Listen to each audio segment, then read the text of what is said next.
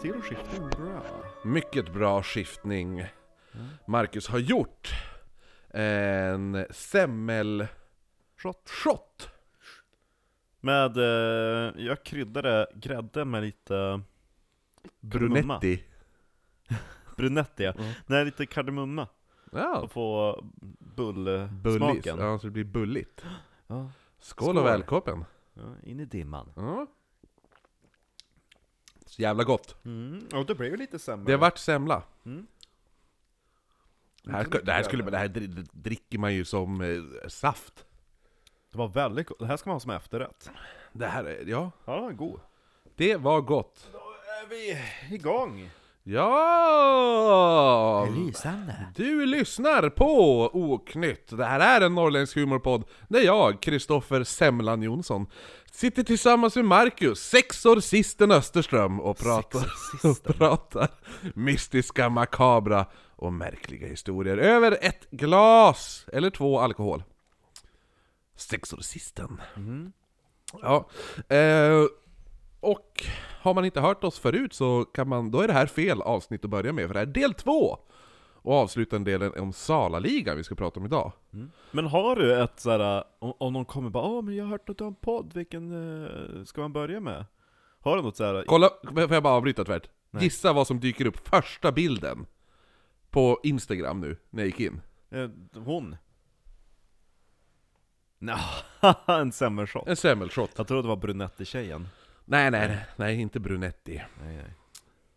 Eh, ja, vad sa du? Om, om man hade ett... Eh, Ja, alltså om någon kommer till dig bara, men eh, k- jag tänkte jag ska börja lyssna in på er podd, vilket avsnitt rekommenderar att jag ska börja på?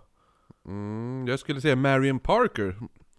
Det beror ska inte på. vara en, en retroaktiv podd där vi kollar Det här, det här är på inte vi blickar tillbaka avsnitt. Eh, men eh, som sagt, har man inte hört del 1 av Salaligan så gör det då. Pausa nu, Mm. och så sen eh, lyssna på det Så avsnittet. syns vi. Ja, eller hur? Ehm, och vill man eh, hitta mer och bilder och annat skit så finns vi på Instagram där vi heter oknyttpodd. Med det. Ja, och så finns bara oknytt på Facebook. Och så kan man mejla oss på oknyttpodd.gmail.com. Också med det. Precis, och så vill man stötta podden lite extra och ta del av extra material som viktorianska mord, bortklippta saker och annan sån där Göttigt. roliga, göttiga grejer. Då kan man söka upp oss på Patreon. Det är patreon.com snedstreck eh, oknytt.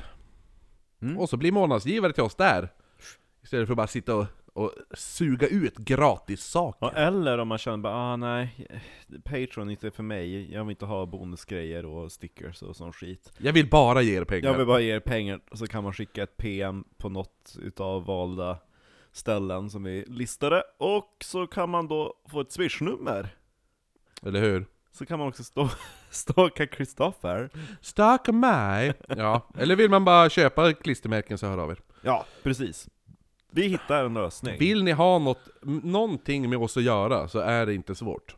Nej, ännu bättre vore typ att bara, oh, vi- vi är ett företag, vi ger pengar. Exakt. Ni behöver inte göra någon reklam, vi bara tycker om er. Ja, eller hur? Ni börjar jobba åt oss. Ja, ja, Ja. ni som är egenföretagare, er eh, riktar vi något särskilt till. Okej. Ja, vi behöver ett nytt jobb. Både du och jag. Ja, vi behöver det. Ja. Ja. Där vi avslutade förra veckan. Mm. De hade nyss eh, haft ihjäl eh, han som körde bilen. ja, även kallad taxichaufför. Ja. Ja, Han som körde bilen, ja taxichauffören! Ja. precis. Och de, dum- Han som framförde fordonet. och de dumpade även liket där. Eh, Slängde ut det och... Ja, de dumpade vid en bro och de eh, hittade ingen motiv riktigt till det. Och eh, de kom undan med det och det De skulle... var ju bara paranoida, visst var det så? Ja, han fick ju bara en jävla... Jo, han var ju paranoid, det var därför han sköt Han trodde att han skulle köra honom till polisstationen. Eh, men i alla fall, det skulle då ta tre år innan nästa mord. Och nu skulle det ju då bli ett, som jag avslutade förra avsnittet, det skulle bli ett dubbelmord. Men när polisen hittade den mördade taxichauffören, vad trodde man då att det var? Man bara hittade i Först ingen- trodde, jo, de förstod inte riktigt. Först trodde de ju att det var ett rånmord. Ja. Att de hade rån, men eftersom ehm, han, då, han, de, han hittades ju med pengar. Ja. De hade ju inte tagit hans pengar, vilket... Hittade man bilen sen då? Eller någonting? Bilen hittades Ja, eh, i, en, i ett skogsparti. så var det. Hmm. Mm. Men i alla fall, pengar behövdes ju för att kunna göra den här DMC, kommer du ihåg? Den magiska cirkeln? Precis. Gruppen ja. Ja. Eh, deras verksamhet bredare så behövde man ju då lite cash. Och först fanns det ju planer att utföra ett bankrån mot Handelsbanken i Sala, men det här ställdes in då man istället riktade in sig på mindre mål utanför staden. Har du varit i Sala? Alltså stan? Jag har kört förbi Sala. Ja. Kört- Jag, jag har varit där på torget, så jag har säkert gått förbi banken i alla fall då. Vandrat runt där. Ja, jag har kört förbi Sala silvergruva Mm.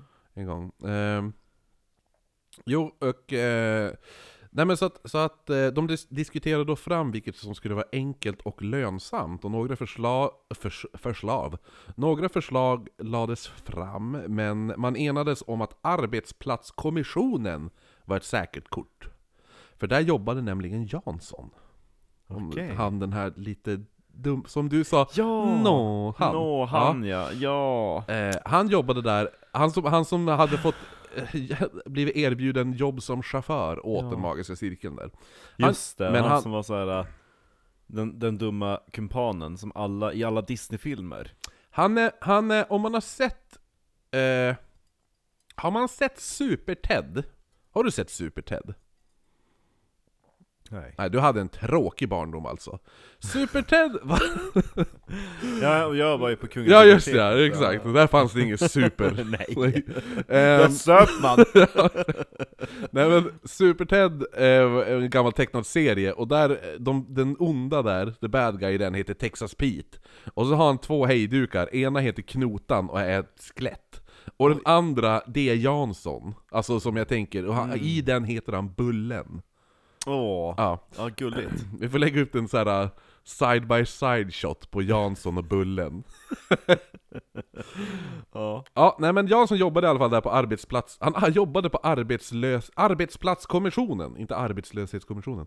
Ehm, han jobbade där och lägga väg då, eh, och då, han kunde ju då ge ganska mycket information. Mm. Jansson berättade att chefen Axel Kjellberg brukade förvara lönepengarna på kontoret i chefens hem, och den magiska cirkeln började följa efter Kjellberg för att se när han skulle hämta pengarna på banken. Det här gjorde han den Jag fjärde... lovar att de bara gick och typ såhär, de skuggade han två meter bakom, gick med handen i fickan och visslade. Nej, nej, jag tror de var ganska... Diskreta. Ja, i alla fall... Men det är så jag tänker mig. Ja, det är så du tänker? Ja, ja, jo. I Eh. sann sån här serieanda. Jag tänker, jag, jag, har ju hellre att de sitter på en parkbänk med en tidning med två utklippta hål. Aha, och, och att de typ såhär, man ser först händerna vid en husknut, sen så drar de sig fram och bara kollar runt det. Som du gjorde, du drog dig fram och kollade Ja. runt micken nu. Ja, väldigt diskret. Ja. Och att de gömmer sig bakom lyktstolpar och grejer. Hmm. Eh, han, hämtade, han gjorde det här alltså, han hämtade pengarna den 4 september, Yes. Och man planerade att utföra rånet samma kväll. Eh, de som skulle medverka var handplockade av Sigvard och... Sigvard. Ja men Ja, alltså... jo. ja, Jag hade glömt bort att han hette så, så Sigvard. töntigt. Ja. Ja, jo. Sigvard. Eh, Sigge. Siggan. Kan- ja. Ja. Det, Charles Ingvar. han, hade, Sigge. han hade valt Abrahamsson, Och Falk. nej, och Jansson. Ja. Mm. Abrahamsson var duktig på att planera och räkna in olika risker och faktorer. Och Jansson skulle ju då behövas som en ren styrka. Ifall... En gorilla. Ja, precis. De mötte, möttes upp då på en skogsdunge en bit utanför Sala. Eller på en, i en skogsdunge säger man kanske. Sigvard kom med bil och de andra två med cyklar, enligt Sigvards instruktioner. Eh, när Sigvard väl kom hade han med sig en extra cykel samt polisuniformer som han hade köpt på svarta marknaden i Stockholm. Man satte fast de andra cyklarna på bilen då och bytte registreringsskyltar. Va? Svart alltså, förlåt. Jag tänker så här, sälja polisuniformer. Jag tänker först på att det är någon så här kärring som har sytt ihop polisdräkter och Ja, ja. säljer så här på svarta marknadens lilla loppmarknad som de har. Ja, En exakt. gång, nej varje söndag efter Åh, ska vi gå på Åh. svarta marknaden idag älskling? Ja, det gör Precis. vi. Jag köpte de här polisdräkterna, Ja. så ser man, åh.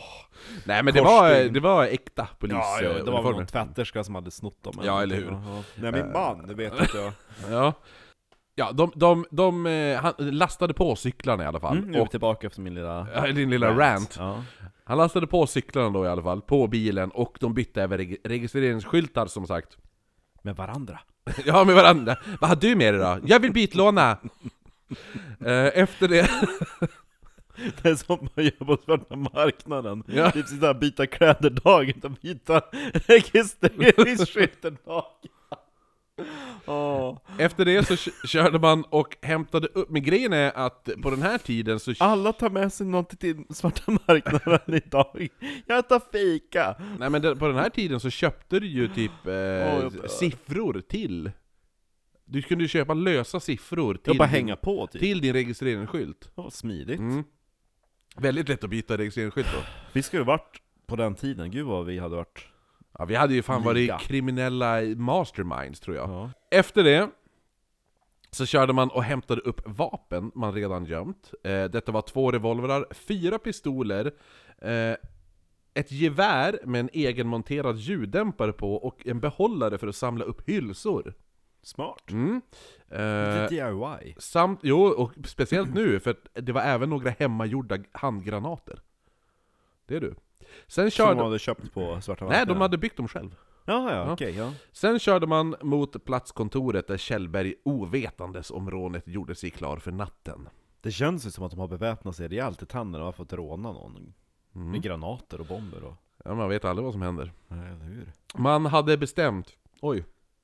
Fick en bubbla i halsen.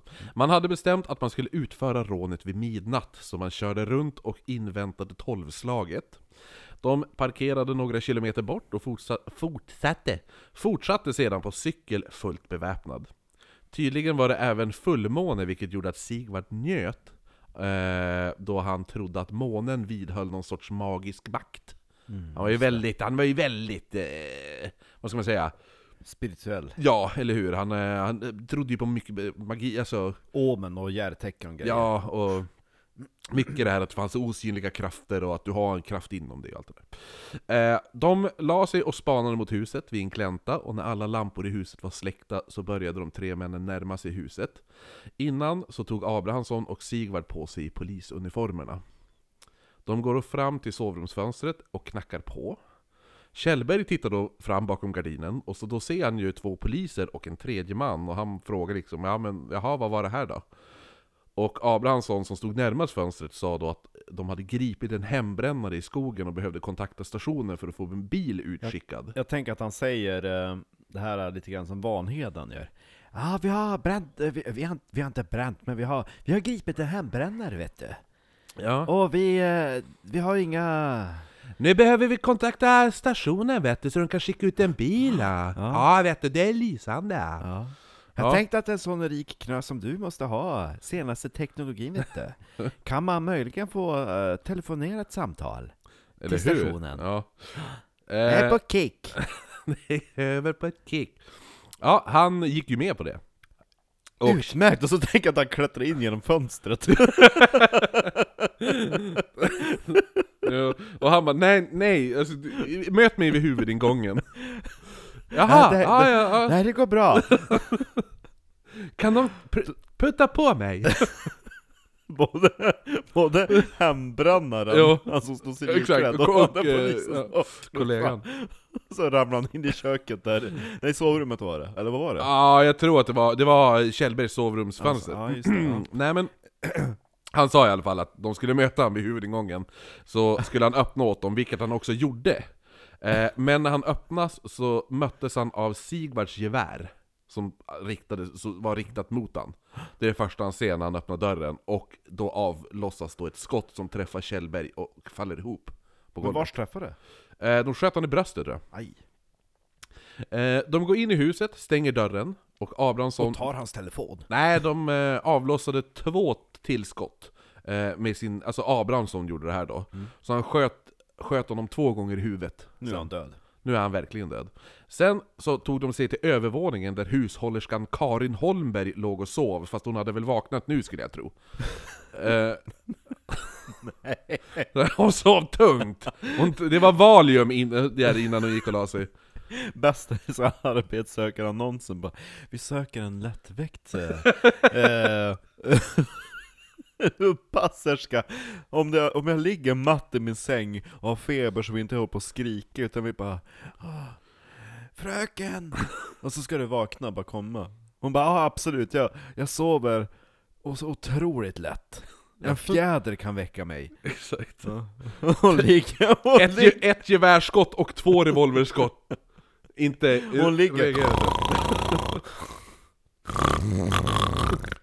och så lite såhär, uh, vad heter det, andningsuppehåll som hon är Ja, tyst sö- sömnapné.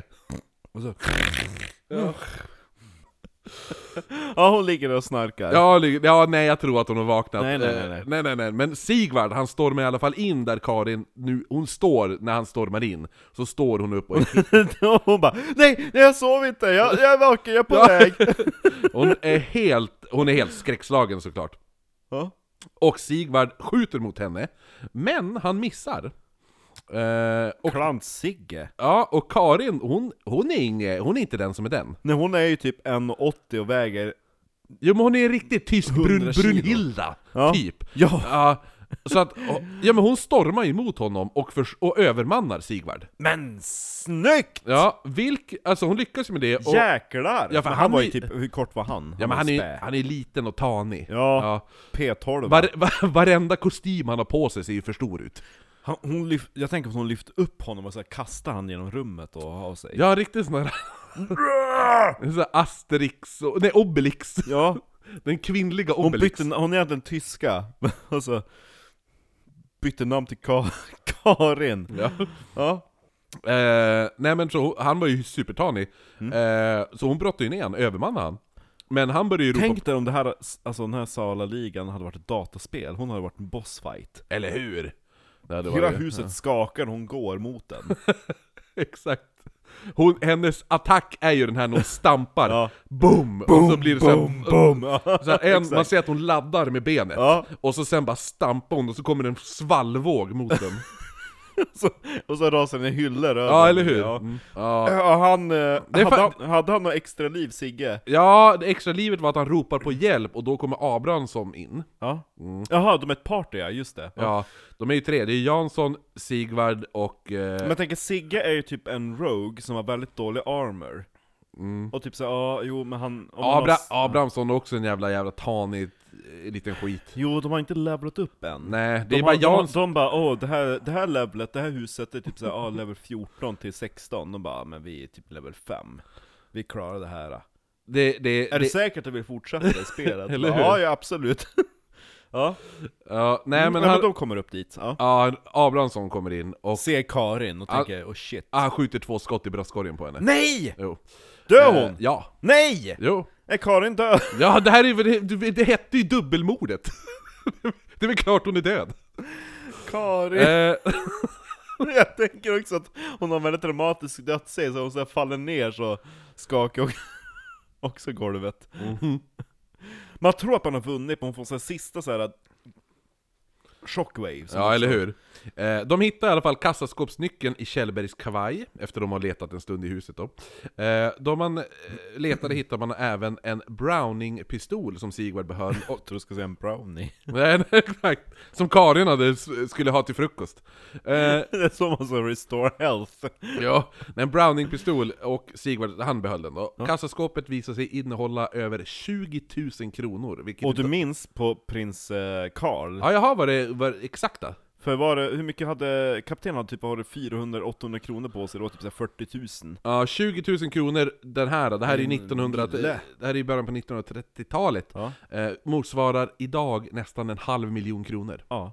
Eh, de tar med sig allt, efteråt så samlar de ihop lite papper och ett par gardiner, Mm. och sätter då eld på huset. Och de sprang sen iväg mot skogsbrynet där cyklarna väntade. Men hann man släcka elden eller brann Karin och...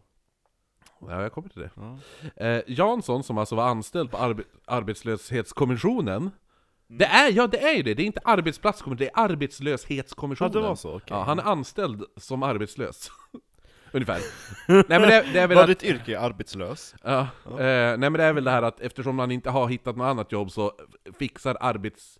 Alltså arbetsförmedlingen fixar ett jobb åt en, ja men då får du, du får jobba åt oss genom att vi, är, vi har fått kontrakt på att vi ska bygga väg till exempel Mm. Eh, så han jobbade ju då på en av vägarna och befann sig eh, där bredvid då, där han hade en arbetsbostad. Så han, han släppte som av där och så smög han in och la sig och sov igen. Obemärkt där på den här eh, arbetsbostaden. Eh, Abrahamsson och Sigvard packade ner deras byte i två glasburkar, varav ena grävde man ner tillsammans med poliskläderna. När de började köra mot Sala så verkade Abrahamsson få skuldkänslor över Karl, Karin Holmberg. Mm. Ja, och vad heter det, för att han, han tyckte att vi hade inte behövt döda henne. Nej, hon, hon Eh. gjorde en, eh, hon gjorde sin, hon hade sån pliktkänsla Karin. Ja, men då hade Sigvard bestämt sagt de döda talar inte. Nej, sagt nej. Ehm, Kloka ord. de får dock en smärre chock när de ser en polisavspärrning. De ska säga, när de säger Karin? Ja exakt, hon är back from the dead! Zombie-Karin! Ja. Så hatar sådana bossar när man tror att man har Ja, eller hur? Jaha, nej nu muterar de. Ah, Eh, nu har Karin mut- muterat. Mutant-Karin. Nej men, eh, de ser... Hennes range weapon är en svalg. Hon kan ta ut sin, den där dinglande, Ja, jo. kasta, kom tillbaka som en bumerang. Eh, Ja, Nej, de de får- får se på... det de ser är en polisavspärrning längs vägen. Ja. Ja. Så att de svänger ju då av i panik utan att poliserna hinner se dem. Rakt in i skogen. Nej men så att, så att eh, De, parker, de, de parkerar och går fram och gör en intervju. Nej det gjorde de inte, de eh, bestämmer sig, alltså de svänger som av. Och så sen, då gräver de ner där eh, resten av pengarna som var i den andra glasburken där, kommer du ihåg? Och de gräver där även ner vapen och giss- för de, de tänker ju att det finns ju förmodligen mer polisavspärrningar. Ja. Vilket det faktiskt gjorde. Så, men polisen, de hade hört om mordet och branden och Nej. Nej. Polisen är inte där för dem. Nähä. Eh, de, är, de, är, de är ute och letar efter den ökända, vad som kallas för dynamitarden. Eh, eller dynamitarden. Eh, han hette, det var en dynamitar, det är ju typ någon som gör brott med dynamit. Åh, förstår. som, eh, ja men Dynamit-Harry. Ja, eller hur? Det är en, dyna, det är en dynamitard Ja. eller en dynamitard. Så de är ute och, den, den dynamitarden de är ute och letar eh, hette Bildsköne Bengtsson. Och Bildsköne Bengtsson hade syns till norr om Sala och alla var... gay. Jag, jag vill veta hur Bildsköne Bengtsson ser Ja. ut med tanke på att han har fått smeknamnet Bildsköne. Så han måste ju ändå varit hunkig. Ja. Tänker jag. Lite Powell kanske. Ja. Mm. Eh, men, men, men ah, att han heter Bengtsson i efternamn dras som ner the credibility att han var snygg. Jag vet inte, det, det är någonting med att ifall någon person kallas för Bengtsson så känns det inte som att de är attraktiv. Men jag hade en, eh, en dejt för massa år sedan som heter Bengtsson efternamn. Och han hade stor kuk i alla fall. Jo, jo, men han väger, jo, men det hade, det hade Otis O'Toole också.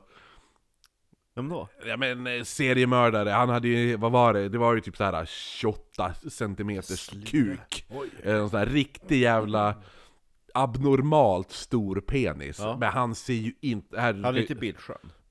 han, nej, inte, han skulle inte kallas bildsköne O- Ottis i alla fall. Nej. Eh, Det kanske var ironiskt också. så här ser han ut. Han 28... Ja, 28 centimeters kuken. Han, han har ju så här big dick... Eh, Big dick a- a- Aura, aura, ja, ja. ja. ja. Jo, jo. Man ser ju hur abnormalt stor han penis ser han, ju ut som har. en häst. Jo, han- men han ser ju inte smart ut heller. Nej nej nej. Nej, han ser ju ut att, han fattar ju ingenting. Nej, det är inavel på han. Ja, ifall, ifall, eh, googla Otis Tool, då han hängde ju tillsammans med, med Henry Lee Lucas, den andra. De var ju ett seriemördarpar ungefär. Storkukligan. Ja, Henry Lee Lucas tror jag däremot hade liten penis. Men då är frågan också, om han hade 28 cm, var den proportionerlig eller var det bara som att hålla i en lång penna? Nej, den var fet. Oj. Alltså den var ju, den är ju grotesk. Ja, ja, nej men.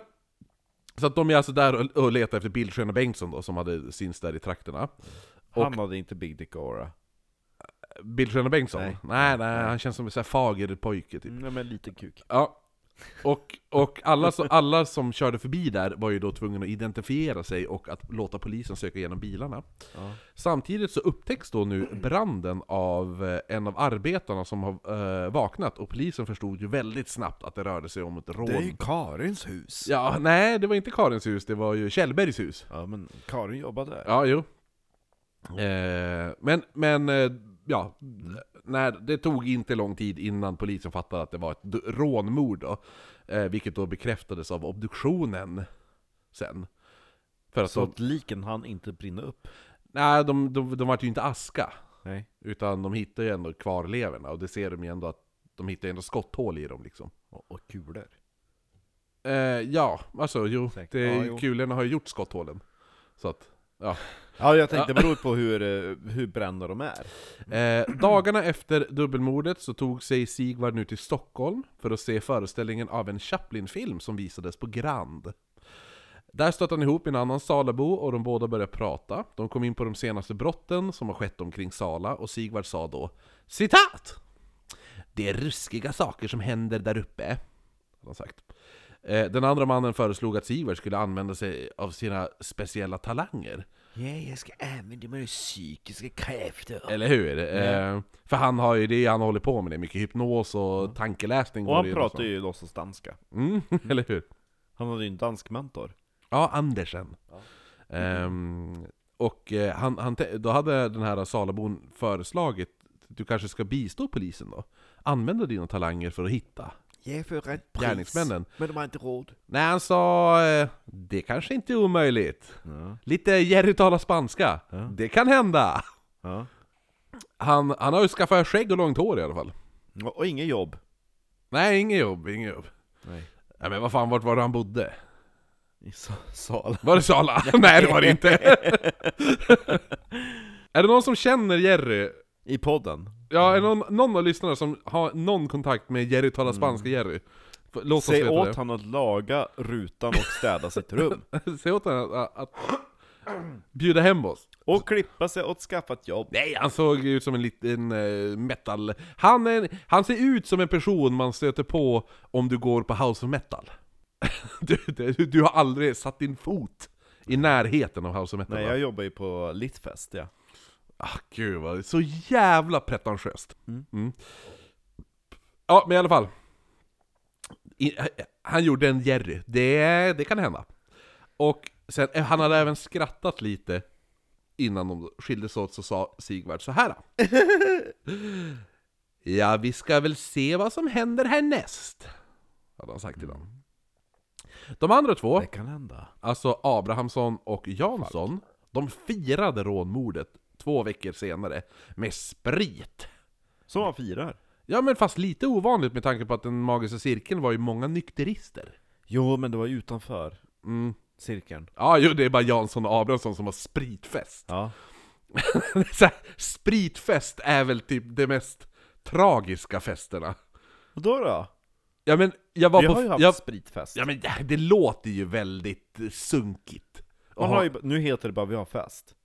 Jo men spritfest känns det ju som, det, det är ju som det här. Det är två stycken män som korkar upp, som har köpt varsin sjua brännvin och bara sitter och råsuper. Det är ju typ oknytt om 40 år. Ja ja, men då är ju det ganska tragiskt. Det är så här, vi har inga lyssnare, det är bara du och jag som pratar, vi har slutat spela in. Vi sitter bara och dricker sprit. och pratar. Nej men, eh, de sitter alltså då och har lite spritfest där, och Jansson ska då ha sagt Citat Såg du vad fina det var? Och vad uppkörd gubbfan blev när han såg oss? Vilken gubbfan. Ja men Kjellson, när de, han Han på de sköt. hotellet? Han, nej, han de sköt. Jaha, han som öppnade dörren ja. Mm, såg du vad finare vad de var? Och vad uppkörd gubbfan blev när han såg oss? Så det hade han sagt på den här Ja, festen i alla fall. Eh, 10 000 kronor, alltså hälften av rånbytet, gick till att införskaffa fler vapen. Sprit, tänkte jag. Ja, nej, men Sigvard är ju nykterist, så att han, han styr ju det här med järnhand liksom. Bollmört är han ju jävligt inne på däremot. Mm. Ehm, men inte, är, han var ju nykterist. Inga spritfester här är. Nej, nej, nej. Eh, de införskaffar mer vapen, men även att de köp, köp, eh, de köpte en bil På av, svarta marknaden. ja, nej, av märket Graham. Och polisen som var helt fast i deras utredning började då få brev av en anonym avsändare som påstod sig ha sanndrömmar och hade drömt om att dubbelmordet utfördes av en viss Turneman och hans två kumpaner. Oj då. Mm. För han hade ju som sagt, eh, Sigvard hette ju Sigvard Nilsson men bytte namn till Tuneman. För det var ju ett anagram av ordet manhunter. Som var lite... Det, Så var det, hade jag glömt bort. Ja, nu vart det bara en djup suck igen för dig. Mm. Eh, nej men så att de börjar få tips av en person som säger att Tuneman och två kumpaner vid namn Jansson och Abrahamsson Och Falk. Nej, oh fuck. Eh, och att de skulle ha knackat på hos Kjellberg utklädda till poliser. Alltså exakt vad Oj! som hade hänt. Men, Så polisen började få sådana här brev, och eh, polisutredaren Tor, han heter det i efternamn. och Det Dal. Nej, han heter, han heter T, det stavas T-H-O-U-R. Alltså typ Thor. Ja men Ja. Med, med amerikansk uttal. Ja, Thor. Så. Tor, Tor. Så. Eh, ja men, vi får kalla honom för Tor. Så. Polisutredaren, okej då, Thor. Ja. Polisutredaren Thor vid stadspolisen i Stockholm som var ansvarig för den här utredningen, eh, han sa att det bara var idiotiska fantasier. Ja det är idiotiskt. Ja, även Sala-polisen ansåg att det var, alltså det här, typ dravel ungefär. Eh, Dravel? Ja, för... Käbbel! Ja, Jag tänker att han ser ut som Stefan Löfven. Tor eller? Nej, han som sa... Sala-polisen Ja, där. ja. Ja, jo eller hur. Ja, Käbbel. Nej, för de menar ju att en så skötsam gosse som Sigvard Tuneman aldrig skulle få för sig att göra något sånt hemskt. Eh, och Sigvard blev faktiskt un underrättad av en annan medlem i den magiska cirkeln om de här breven. Eh, alltså som hade skickats till polisen. För den här medlemmen eh, som berättade det här, han var ju själv polis. Ah. För alltså Sigvard hade ju, han hade ju medlemmar inom typ polisen och alltså Det var ju medlemmar överallt. Ja, jo precis. Ja. Eh, vilket är väldigt bra i hemliga sällskap eh, också. Eh, men då när han frågade det här, då hade Sigvard svart, bara svarat att äh, det måste bara vara någon galning. För det var inte alla medlemmar som, för du kommer ihåg, det var ju grupperingar. Ja. Det var ju den, den inre cirkeln, eller den här tri, triangeln. Det var ju de som bara, det var ju, och så sen var det den här yttre, den här med domstolen och allt det där. Så att det, det är väl lite typ så här eh, orden... Ord, ja, vad heter det? Ordens... Ordenssällskap. Ja precis, för där är ju också lite det här att Tänkte på det, det är lite grann uh, frimurar. Ja, Var det här att, att ju, ju, ju, ju högre upp du klättrar desto mer och mer får du veta. Och att... Uh, Det är så jag, upp, ut, eller så jag tänker att det fungerar. Han, eh, du vet han som jobbar på, jobbar i alla fall på Coop i Holmsund? Men Jocke? Ja, han är ju någon broder i någonting. Är, är, Konsum-Jocke med i något hemligt sällskap? Ja, ja, ja. Hur känner du han? Gick på mina spökvandringar, ett stort fan. Just ja, just ja, Försökte dricksa mig 666 kronor på Lottas.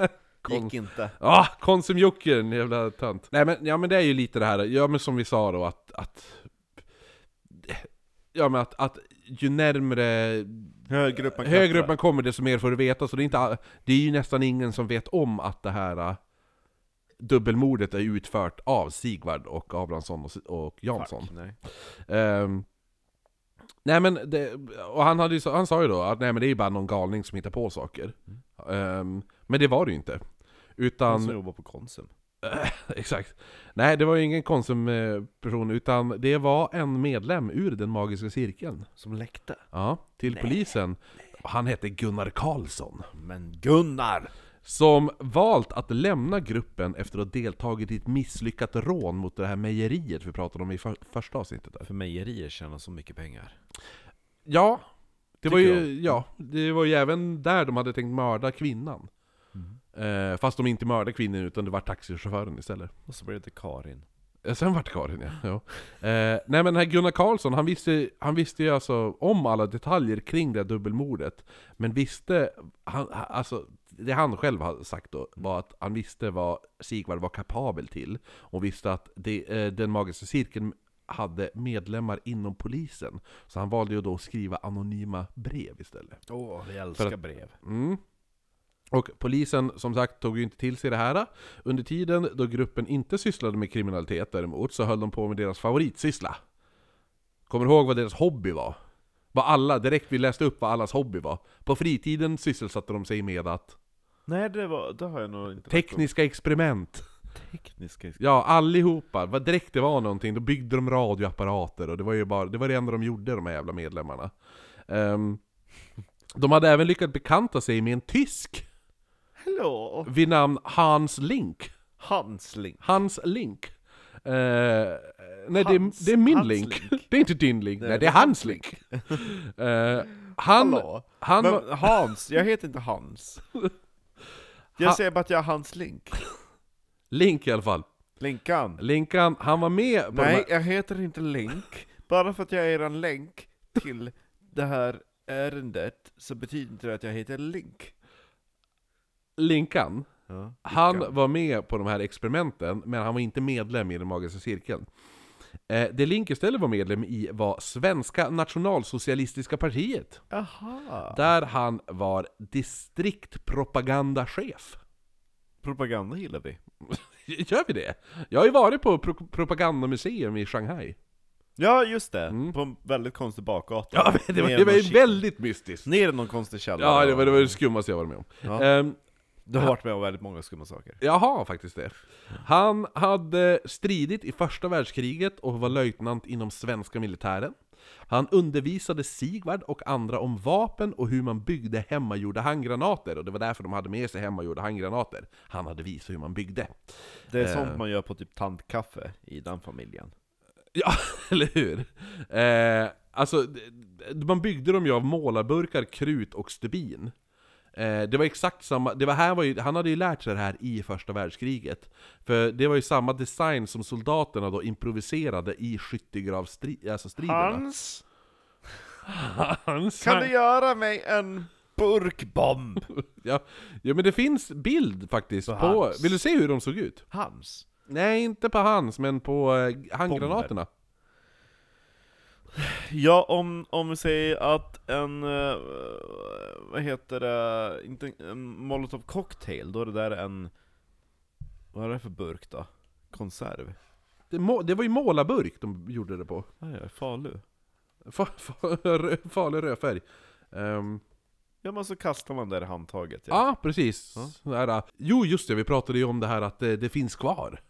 Ja, huset! Huset, ja, Ja, det jo, finns kvar. Det nämnde det. att vi ska åka dit på, i sommar. Ja, exakt. Vi, har, vi, det var en pat- vi fyllde på drinkar, körde lite Patreon-snack.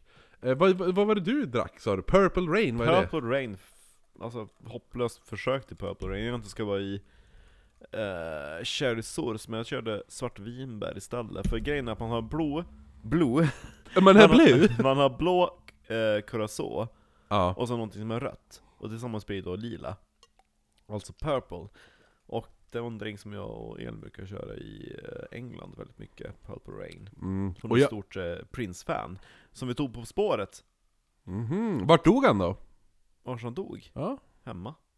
ja men vart, jag. vart hemma? Hos sig. Ja, jo men det är väl klart de Men det var ju ett specifikt ställe han Ja, dog. men vet fan vet jag. jag Han dog i sin hiss! jaha, nej men alltså jag, eh, jag är inte jättestort Prince-fan. Ja, skitsamma. Ja men du Purple, jag kör Moscow Mule då. Ja. Eh, nu, och jag har även laddat upp här bak med En öl. en öl som heter eh, Taras Bulba. Tardos Bulba. Taras Bulba, det är jävla... jag vet Låter fan. spännande, en ale eller? Ja, men det här det måste ju vara någon jävla belgiskt helvete. Det, eller något franskt, för det står ju Br- Brasserie de la Zen. Mm. Eller något sånt där. Ah, ja. Men den här tysken då, Link. Han var ju känd av polisen då han ofta hamnade i slagsmål. Anledningen lite varför han alltid hamnade i slagsmål var för att han envisades med att gå omkring i bruna skjortor och ridbyxor.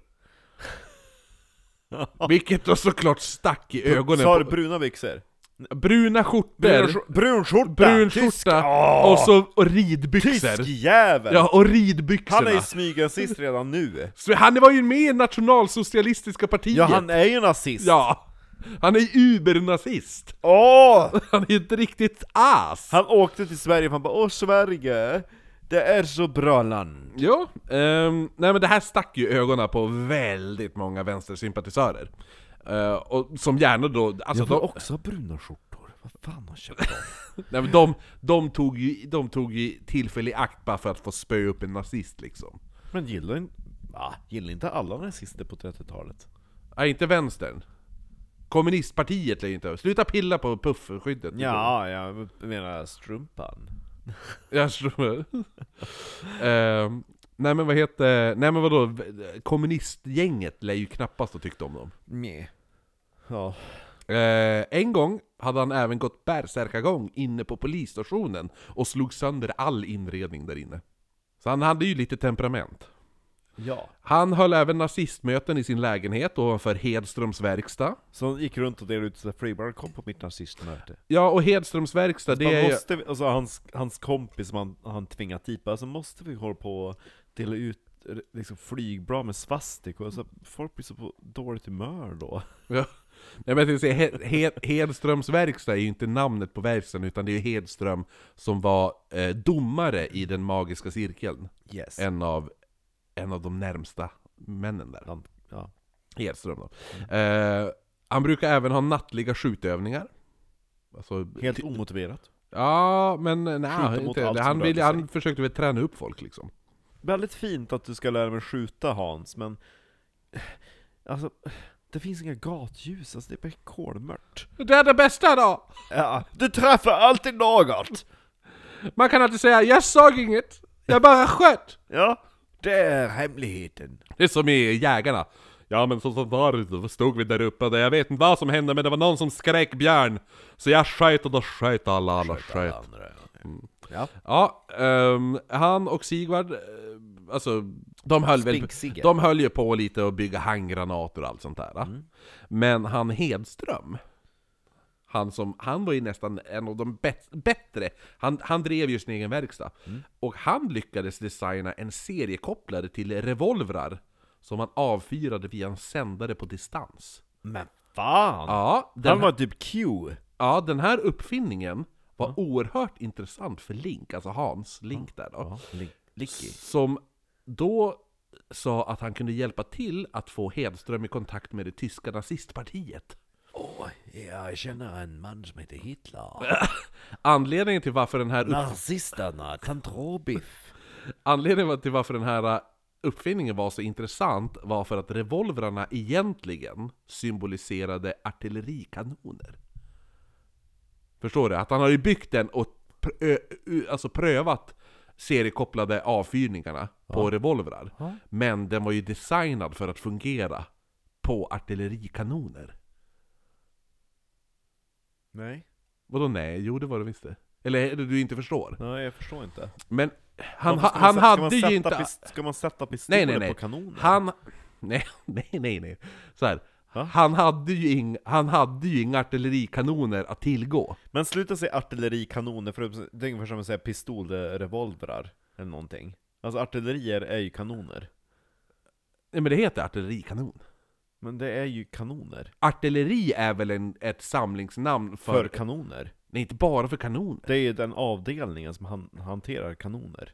Artillerister. Ja, ja, vi säger väl kanoner då? då? Ja, ja bara för yes. att... för- Ja, okej, kanoner. Ja. Eh, han hade inga kanoner Ja. att tillgå.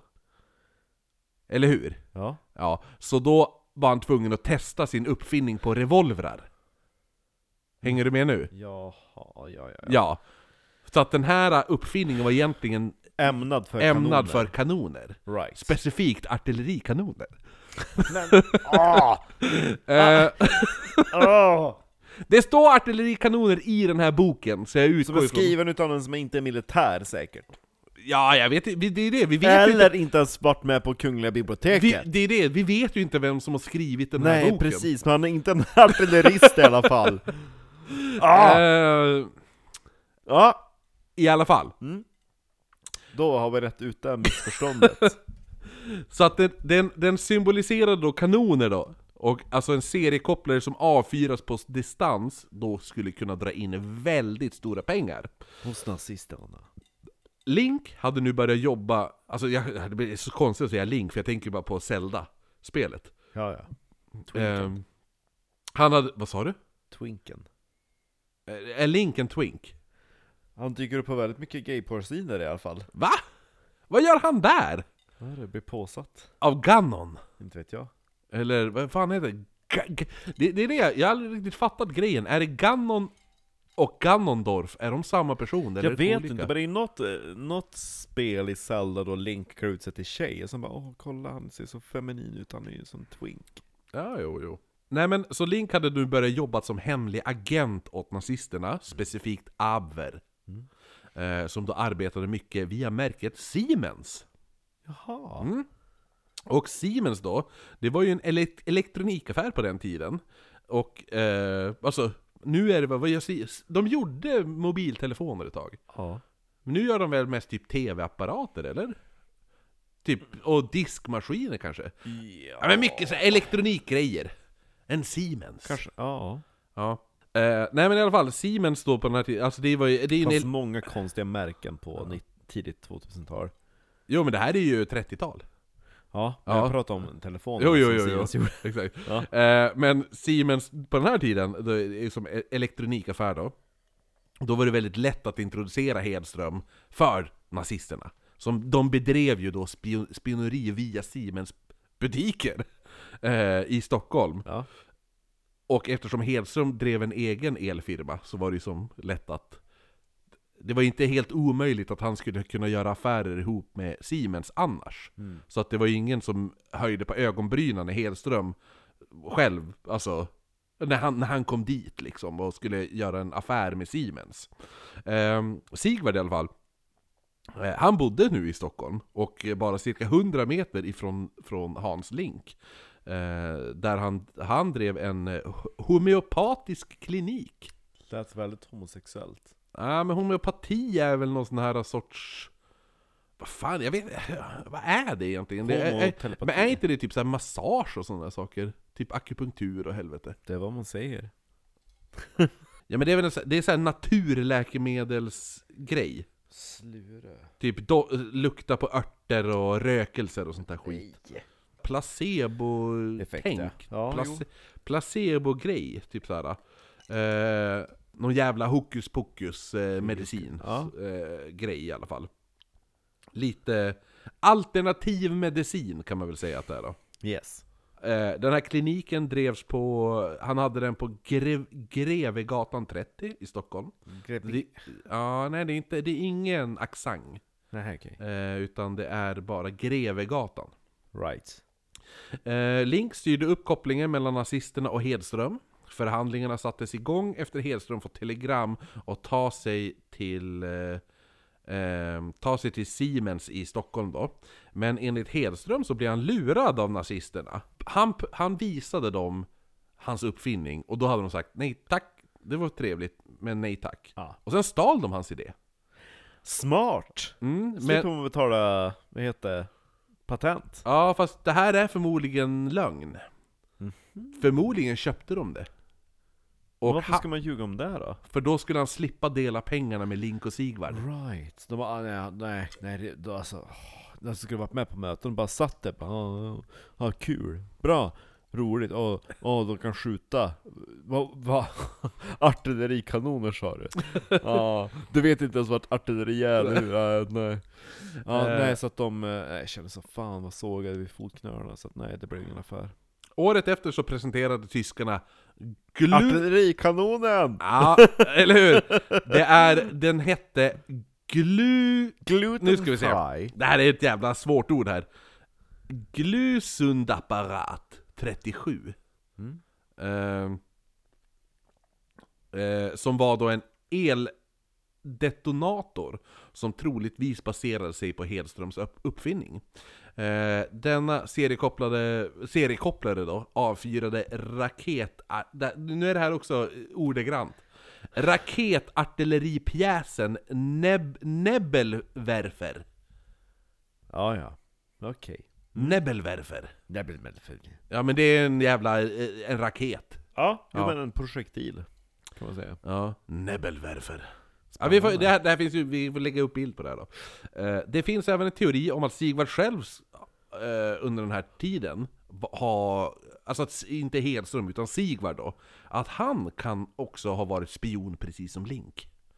Det här både, alltså för att både britter och tyskar intresserade sig för att värva spioner inom hemliga sällskap. Då de redan var kunniga med att, alltså de levde ju dubbelliv redan då. Så att då, de var ju perfekta eh, ka- kandidater till att vara spion då. Och då hade de, eftersom de hade hemligt nät, en hemlig organisation, så hade de oftast ett etablerat nät inom olika samhällsklasser och viktiga yrkesgrupper. Som typ Sigvard hade, han hade ju folk inom polisen och andra saker. Plus att det har vittnats om att en högt uppsatt brittisk diplomat ofta besökte Grevegatan 30. Där han drev sin klinik, som jag sa. I see. Eh, Sigvard ska även ha eh, frågat en viss Åke Blomqvist, som var då Sigvards huvudleverantör av vapen, om han skulle kunna tänka sig skugga en person mot betalning. Men det här kan ju då såklart bara vara ett framtida offer. För den här Blomqvist, han hade sagt nej jag vill inte skugga någon. Så man vet ju inte vem det var han skulle skugga. Nej, nej. Kan ju lika gärna, va, kunde ju lika gärna vara den här Källgren. Ja. Ja. Eller Kjellberg kanske han heter. Eh, Sigvard påstod själv senare att han under andra världskriget jobbade som kodknäckare åt svenska militären, vilket inte är helt jävla otroligt då han talade åtta språk flytande. Jävlar! Och han var även matematiskt begåvad. I boken eh, så ställer, alltså som vi tagit den här informationen från, som då heter... Hitta på boken som ingen vill ta på sig. Eller hur? Vi kan ju claima att vi har skrivit den. Eller, ja, jag vet inte om jag vill göra det. Eh, Nej. jä- det är en jävligt bra bok som sagt. Om man inte kan skilja på att artillerikanoner. Artil, ar, vad var det? Raketartilleripjäs. Det är fint. Um, nej men då, vad heter det nu? I, boken heter ju då som sagt Turneman, ockultist och seriemördare. Väldigt bra bok, men som sagt den här författaren... Skriven av ingen. Ja, det finns ingen författare riktigt, och det är... ehm, det är väldigt många egna slutsatser och egna tankar. För då i den här boken så ställer sig... Invävt i uh, texten. Ja, som den här som jag tänker ta upp nu. Citat! Ja, eller nej det är ett stat, det är mest att den här författaren eller författarna ställer sig frågeställningen om Sigvard kanske jobbade åt svenska underrättelsetjänsten och att det var egentligen därför utpekandet av Sigvard som gärningsman inte togs på all allvar av utredaren Thaw.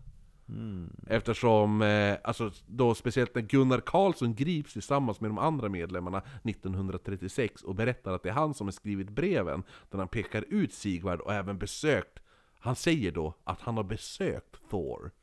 Och då hade det bara viftats bort. Nej. Så då menar ju den här författaren, tänk om det kan vara så att det svenska underrättelsetjänsten re- Alltså att, att Sigvard Tuneman arbetade åt dem och det var därför de inte ville sätta fast han.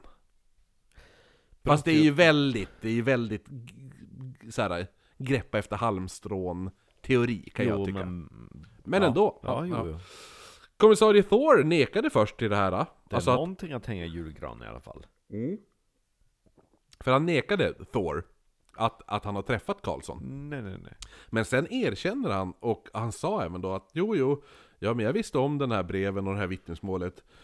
Eh, men då, när han gör det här, då säger polisen, då, då lägger de eh, tystnadsplikt på Karlsson. Va? Att han har tystnadsplikt om det här fallet. Va? Vilket är jävligt mystiskt. Väldigt. Ja. Det känns som att det är den där äh, inre äh, circle Kjolhoppet har ju verkligen infiltrerat så att de bara nej men nej, nej, nu lägger vi locket på. Ja, direkt Karlsson började s- sjunga lite för folk. Då Ja. bara åh, nej, nu fick du tystnadsplikt. Säger du någonting mer? Det är ett brott. Käften. Väldigt mystiskt. Och, vill du veta vad en... en Yttrandefrihet! Nej du. ja, och Glöm det! Thor, eller Tor, Thor. ja, Thor. han drev vid sidan av detektivbyrån Paulsson och Tor, eller Thor, Paulsson och Thor. Vad har mest Big Cock Aura? Tor eller Thor? Jag skulle ändå säga Tor. Då får han heta Tor. Eh, så Paulsson och Tor då, Ja. Han har en Och- riktig hammare. Ja, det är detektivbyrån som han även drev. Som tydligen anlitades av generalstabens underrättelsebyrå och utförde många hemliga uppdrag åt svenska underrättelsetjänsten och den så kallade C-byrån. Och man har hittat dokument som stryker underrättelsetjänstens intresse för Link och Sigvard. All, all- allting direkt det är någonting om Sigvard och Link och kopplingar och sånt där. Då är det bara, det, det är... De är, de är antingen är de överstrukna, eller så är de bara borta. Vilket är jävligt mystiskt alltihopa. Så det finns ju det, det, är ändå, det finns ju ändå någonting som gör att man känner att, att någon jävel har ju jobbat åt underrättelsetjänsten. Kan det ha varit, det kan ju lika gärna varit Link. Ja. Tyskjäveln, han kan ju ha varit dubbelspion. Lika gärna. Vem vet? I alla fall, nu blir det mer Sala Liga Liga. Mm. Ehm, Mer Karin. Ja, ja men, och, så, och så kan jag bara slänga in just att, att Sigvard kan ju också såklart ha värvats av nazisterna. Då de säkert betalade bra. Liksom. Och det fanns ju svenska nazister så. Ja, och Sigvard var ju som sagt, han var ju inte intresserad av politiska åsikter. Men han, han hade ju en kristenfientlig syn. Det hade ju även nazisterna. Om man... Ja, inte Hitler men Himmler hade. Ja, men om vi, om vi går in på hela eh, det vi pratar om, ok okultismen inom nazismen.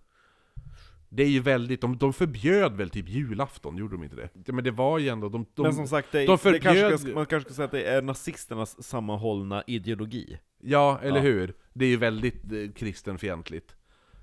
Ja. De- De förbjöd ju ändå kristna helgdagar. Jo men det var därför man ansåg att, att kristendomen var invasiv till den eh, germanska mytologin. Ja, eller hur? Med typ så här, åh det här är Sigfrid som dräpte Jo, de var ju mer valkyrier och hela den där jävla ja, biten. Det gillas.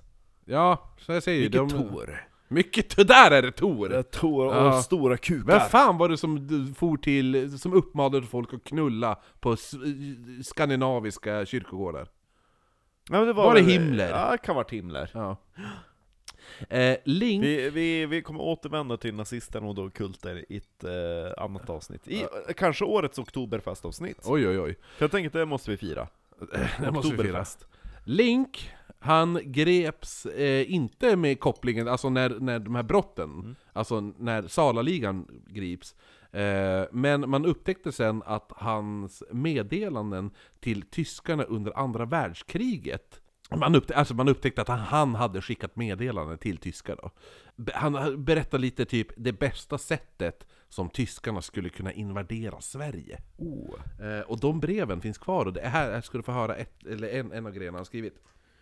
För jag vet att Hitler hade planer på att göra en traditionell ryssmanöver, att gå in över Kvarken och typ inleda en invasion via typ Umeå och Övik. Ja men då, berätta.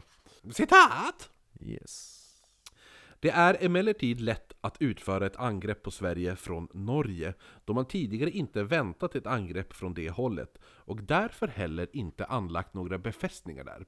Hela Sydsverige är befäst, i synnerlighet kuststäderna, men den svenska terrängen är mycket plan och synnerligen lämplig för stridsvagnar, kunna ta de tyska trupperna genom ett raskt framträngande lätt tillintetgöra den första linjen. Har den första linjen intagits kommer inget mer nämnvärt motstånd att förekomma innan Stockholm. Den tredje försvarslinjen ligger i höjd med Gävle. Vid Östersund och Sundsvall finnes likadeles en linje.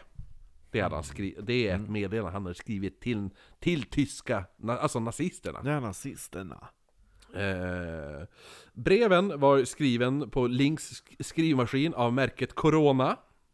Mm. Han dömdes till straffarbete och 1500 i böter för förberedelse till olovlig Det var en underrättelseverksamhet. saftig böter. Bra böter. Bra böter, mer än vad kapten hade på sig i plånboken. 1934. Mm. Nu släpper vi Link lite grann. Jag ville bara slänga in han där. Han var en, en, en, en, eh, bikaraktär i Salligan. Eh, men 1934 så hade Sigvards homeopatiska klinik blivit mycket populär och en av besökarna var en dam med alla gam... Nej men vad heter det? En dam... En dam vid namn Matilda Blomqvist som Sigvard hade fått höra ryktas om att hon skulle besitta en stor summa pengar som fanns i hennes hem som var en liten stuga utanför Västerfärnebo. Och summan skulle vara upp mot 6000 kronor. Oj. Men som sagt, på den tiden så var det sjukt mycket pengar. Ja. Ja, 20 000 var ju eh, en halv miljon. Man får väl... Min farfar vann, jag tror det var 5000 kronor där, där kring. Han kunde betala av hela sin husskuld. Eller inte skuld, men lån. Vad vann han det på då? Kobingo? Rikslotteriet tror jag det var. Jaha. Ja, det... eh, Som sagt, Sex- 6 000 kronor trodde han i alla fall. Alltså, han trodde att hon hade det. Han hade fått de upplysningarna. Att den här, vad, vad var det vi sa att hon hette? Matilda Blomqvist. Den lilla tanten hade 6 000 kronor he- hemma och Sigvard sa då citat! En förändring av besittningstillståndet ska ske. Jaha. Det var alltså kod för rånmord. Ah. Planeringen för mordet sattes igång och man ville försäkra sig om att polisens kriminaltekniker inte skulle kunna lista ut att det rörde sig om mord den här gången. Ehm, eftersom det var ju det de hade kommit, de fattade, de såg kulhålen i de dubbelmordet I- där. ja, Karin och, och Kjellberg eller vad han heter. Ja.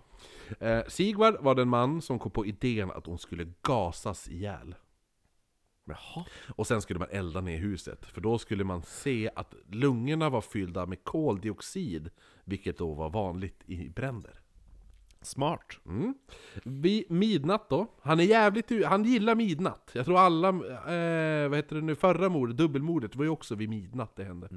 Eh, midnatt, men som sagt han är ju väldigt, så här, han är ju väldigt inne för symbolik och symbolism och sånt där. Ja, lik. Lika han också inne för. Eh, 11 oktober 1934 kommer samma trio som vid dubbelmordet vid stugan. Det är alltså Abrahamsson, Jansson och Sigvard. Där Du vill ha in Falk där. Ja. Där parkerar... Adolfsson och Falk. Jo, jo, jo, jag vet. Det är ju faktiskt med i... Jag nämner ju det i min Creepypodden-historia. Adolfsson och Falk ja. Ja. ja. Din pappa vill spela dem. Ja, högsta volym. Varje jävla jul. Är det så på riktigt? Ja, det är så på riktigt. det är därför jag skrev det. Just det. Jag vill fira jul med dina familj känner jag. Ja, ja, bra, bra fylla. Man par- parkerade då bilen en bit bort. Sen smög man sig upp till stugan och med hjälp av en handborr så borrade man upp ett hål i husväggen. Sen backade man upp bilen mot väggen och kopplade en slang från avgasröret som sen fördes in i hålet i stugan. Och tydligen ska även slangen ha dämpat ljudet från motorn, vilket Sigvard skulle ha blivit- han var mycket glad över det. Det var fantastiskt. Eh, det, var, det, var, det är fantastiskt här. Eh, efter det så lät man avgaserna fylla stugan under 45 minuter. Det står en bil på tomgång utanför din stuga, Karin. Jag heter inte Karin. Matilda! Men Matilda. Ja. Men okej. Nej men hon låg ju sov. Ja. Ja, så att efter det så borrade man upp ett nytt hål på andra sidan och fortsatte i 45 minuter till att gasa ihjäl tant Blomqvist. Hur gick det då?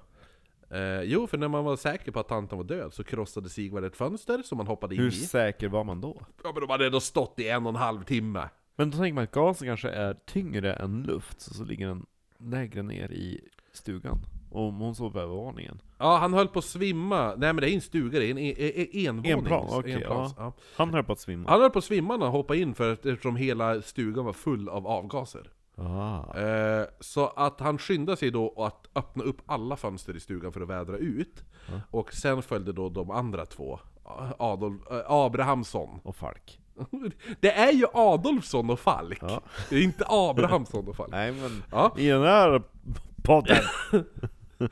Eh, ja men de, de, vad heter det nu?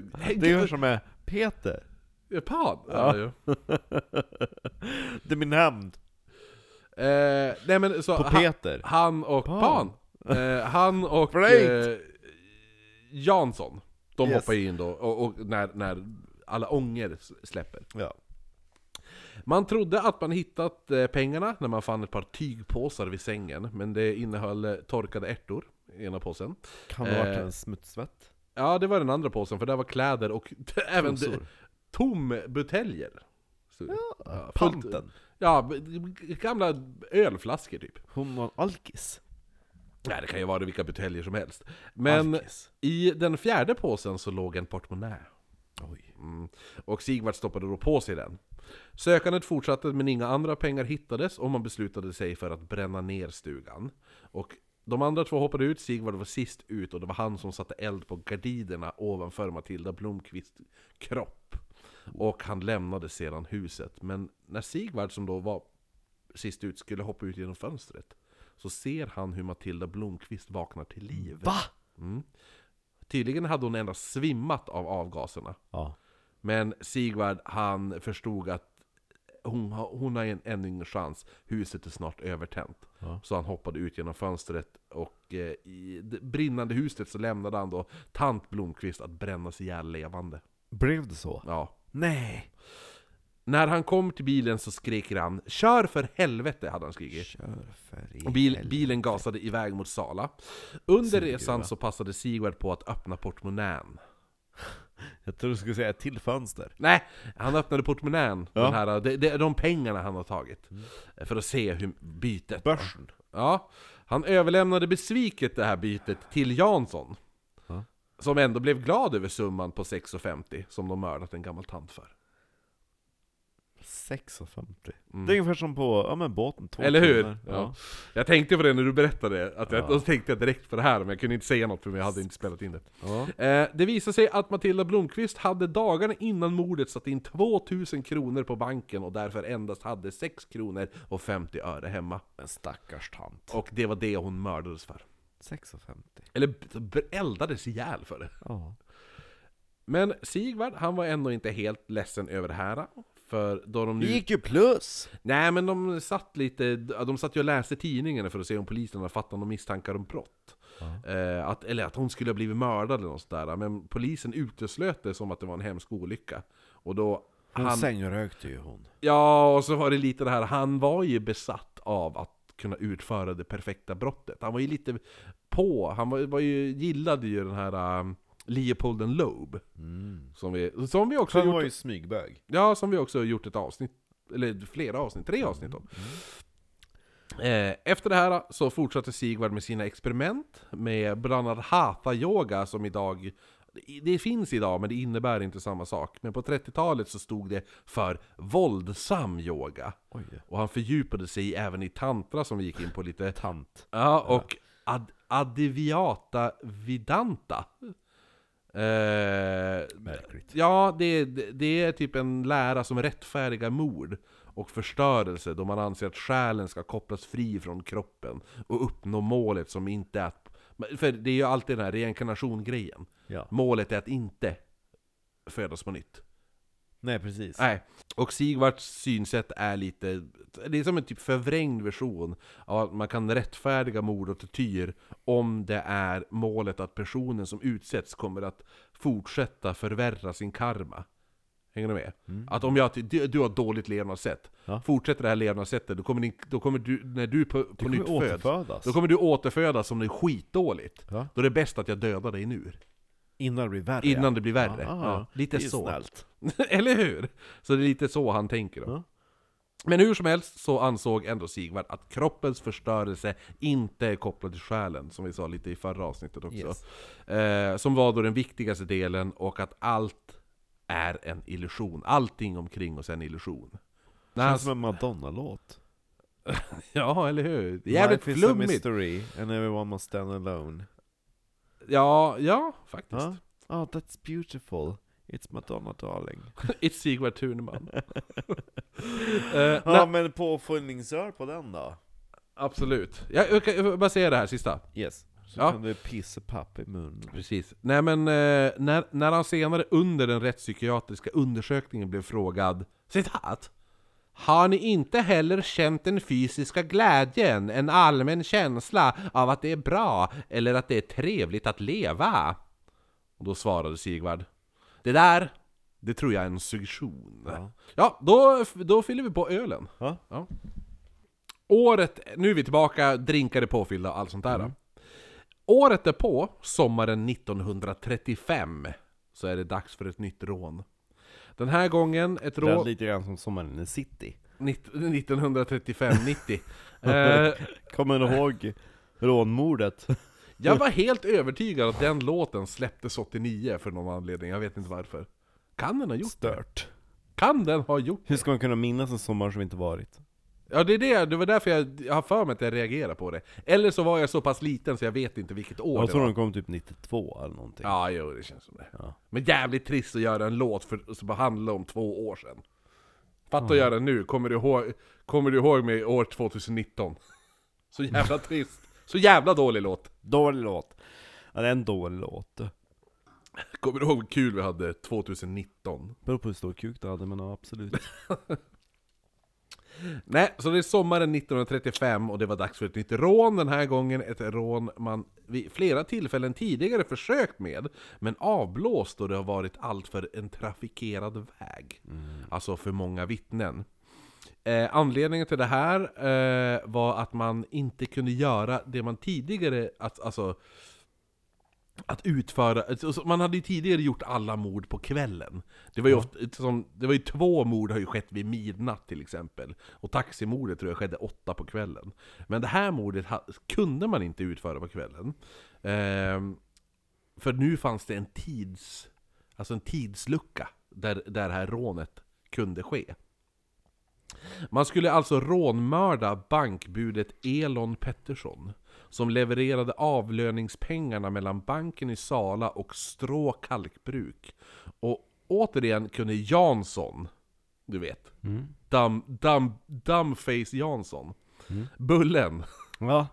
eh, han kunde bistå med insider-info då han nu var anställd vid kalkbruket. Han har ju bytt Han som anställning. ligger räls och kör bilar. Ja men nu har, han, nu, har han fått, nu har han fått tjänst på kalkbruket här då.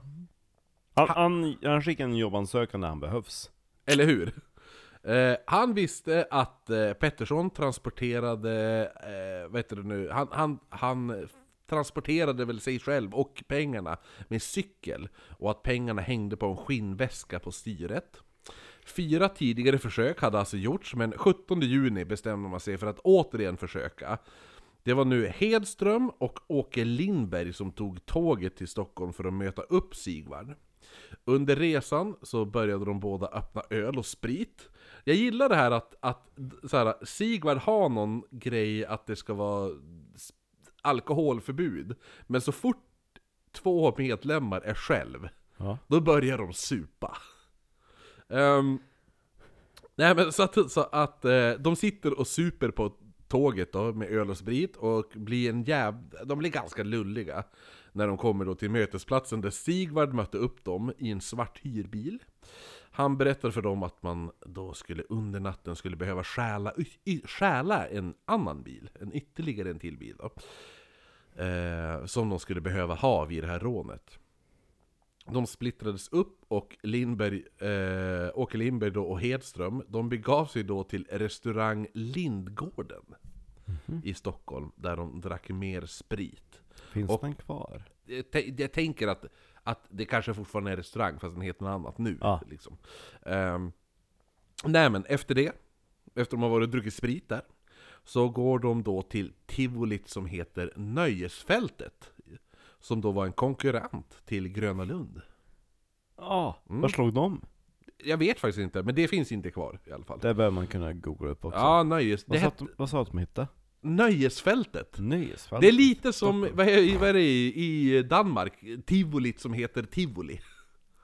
Så dåligt. Ehm, de hade väldigt roligt där och glömde bort tiden. För de hängde ju på nöjesfältet. De var ju på tivoli. Ja. Eh, så de glömde bort tiden och skulle möta Sigvard, eh, som såklart var otroligt frustrerad över deras beteende och att de inte kunde passa tiden när de väl kom till Och mötesplatsen. stank vodka. Ja. Eh, jag skulle gissa brännvin. Det känns väldigt brännvinig tid. Jo men brännvin är ju destillerat. Så att det Jo, kan, jo, jo, det precis. kan vara ja. vodka. Ja, jo, absolut. De, Eller också OP. jo, det är det. Det känns mer snapsigt. På den här tiden. Vad drack man då? Det känns mer akvavit. Ja... Men det är kryddat brännvin. Ja, jag tror att det är någon... Ja men, ja, men typ renat kanske. Mm.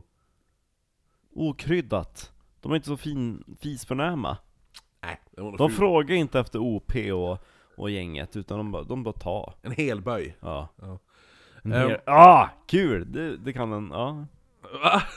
Helböj och halvböj ja. Ja, jo, precis. Mm. Eh, de skulle alltså, ja, Sigvard var ju, han, han var arg på dem, för att de passade inte tiden och de var full, och det här var, det var inget, det här är inte ett beteende Nej. som en medlem från den magiska cirkeln Han fick med. ju psykbryt som typ Gunilla Persson. Ja, Det är ingen stil! de körde runt i natten för att leta en bil och stjäla då. Lindberg som har blivit så I jävla... en bil. Alltså varför ska vi köra en bil då vi har en bil? Ja, de har ju hyrt en bil, men Ja. de måste ju stjäla en bil. För de behöver, de behöver en bil för rånet, och så behöver de ju en flyktbil. Hur många gånger tror du han fick förklara det där? Ja, eller hur? Men Eh, alltså, vad är, vi, vad, vad är vi letar efter? En bil? vi sitter ju för fan i Okej, okej. Jag vi sitter ju för fan i en bil! Sigvard! Eh, nej men i alla fall. De kör alltså runt i natten då för att leta en bil att stjäla. Eh, Lin- I en bil. I en bil ja. Lindberg, som han har blivit så jävla packad. Full, ja. så han somnar i baksätet. Ja. Men under natten i alla fall så hittar man en lämplig bil. Det är en grå Cheva, Chevrolet. Som står bakom Dramaten. Oh, i Stockholm? Mm. Som de då tjuvkopplar och sen kör iväg. På den gamla goda tiden. Ja, på morgonen fredagen den 19 juni så samlas de i Sala där de klädde sig i blå overaller, solglasögon och vita motorhuvor. Det är väl lite... Det är inte balaklava-luvor, Nej? såna här råna, utan det är mer att det är öppet nästan som ett cyklop.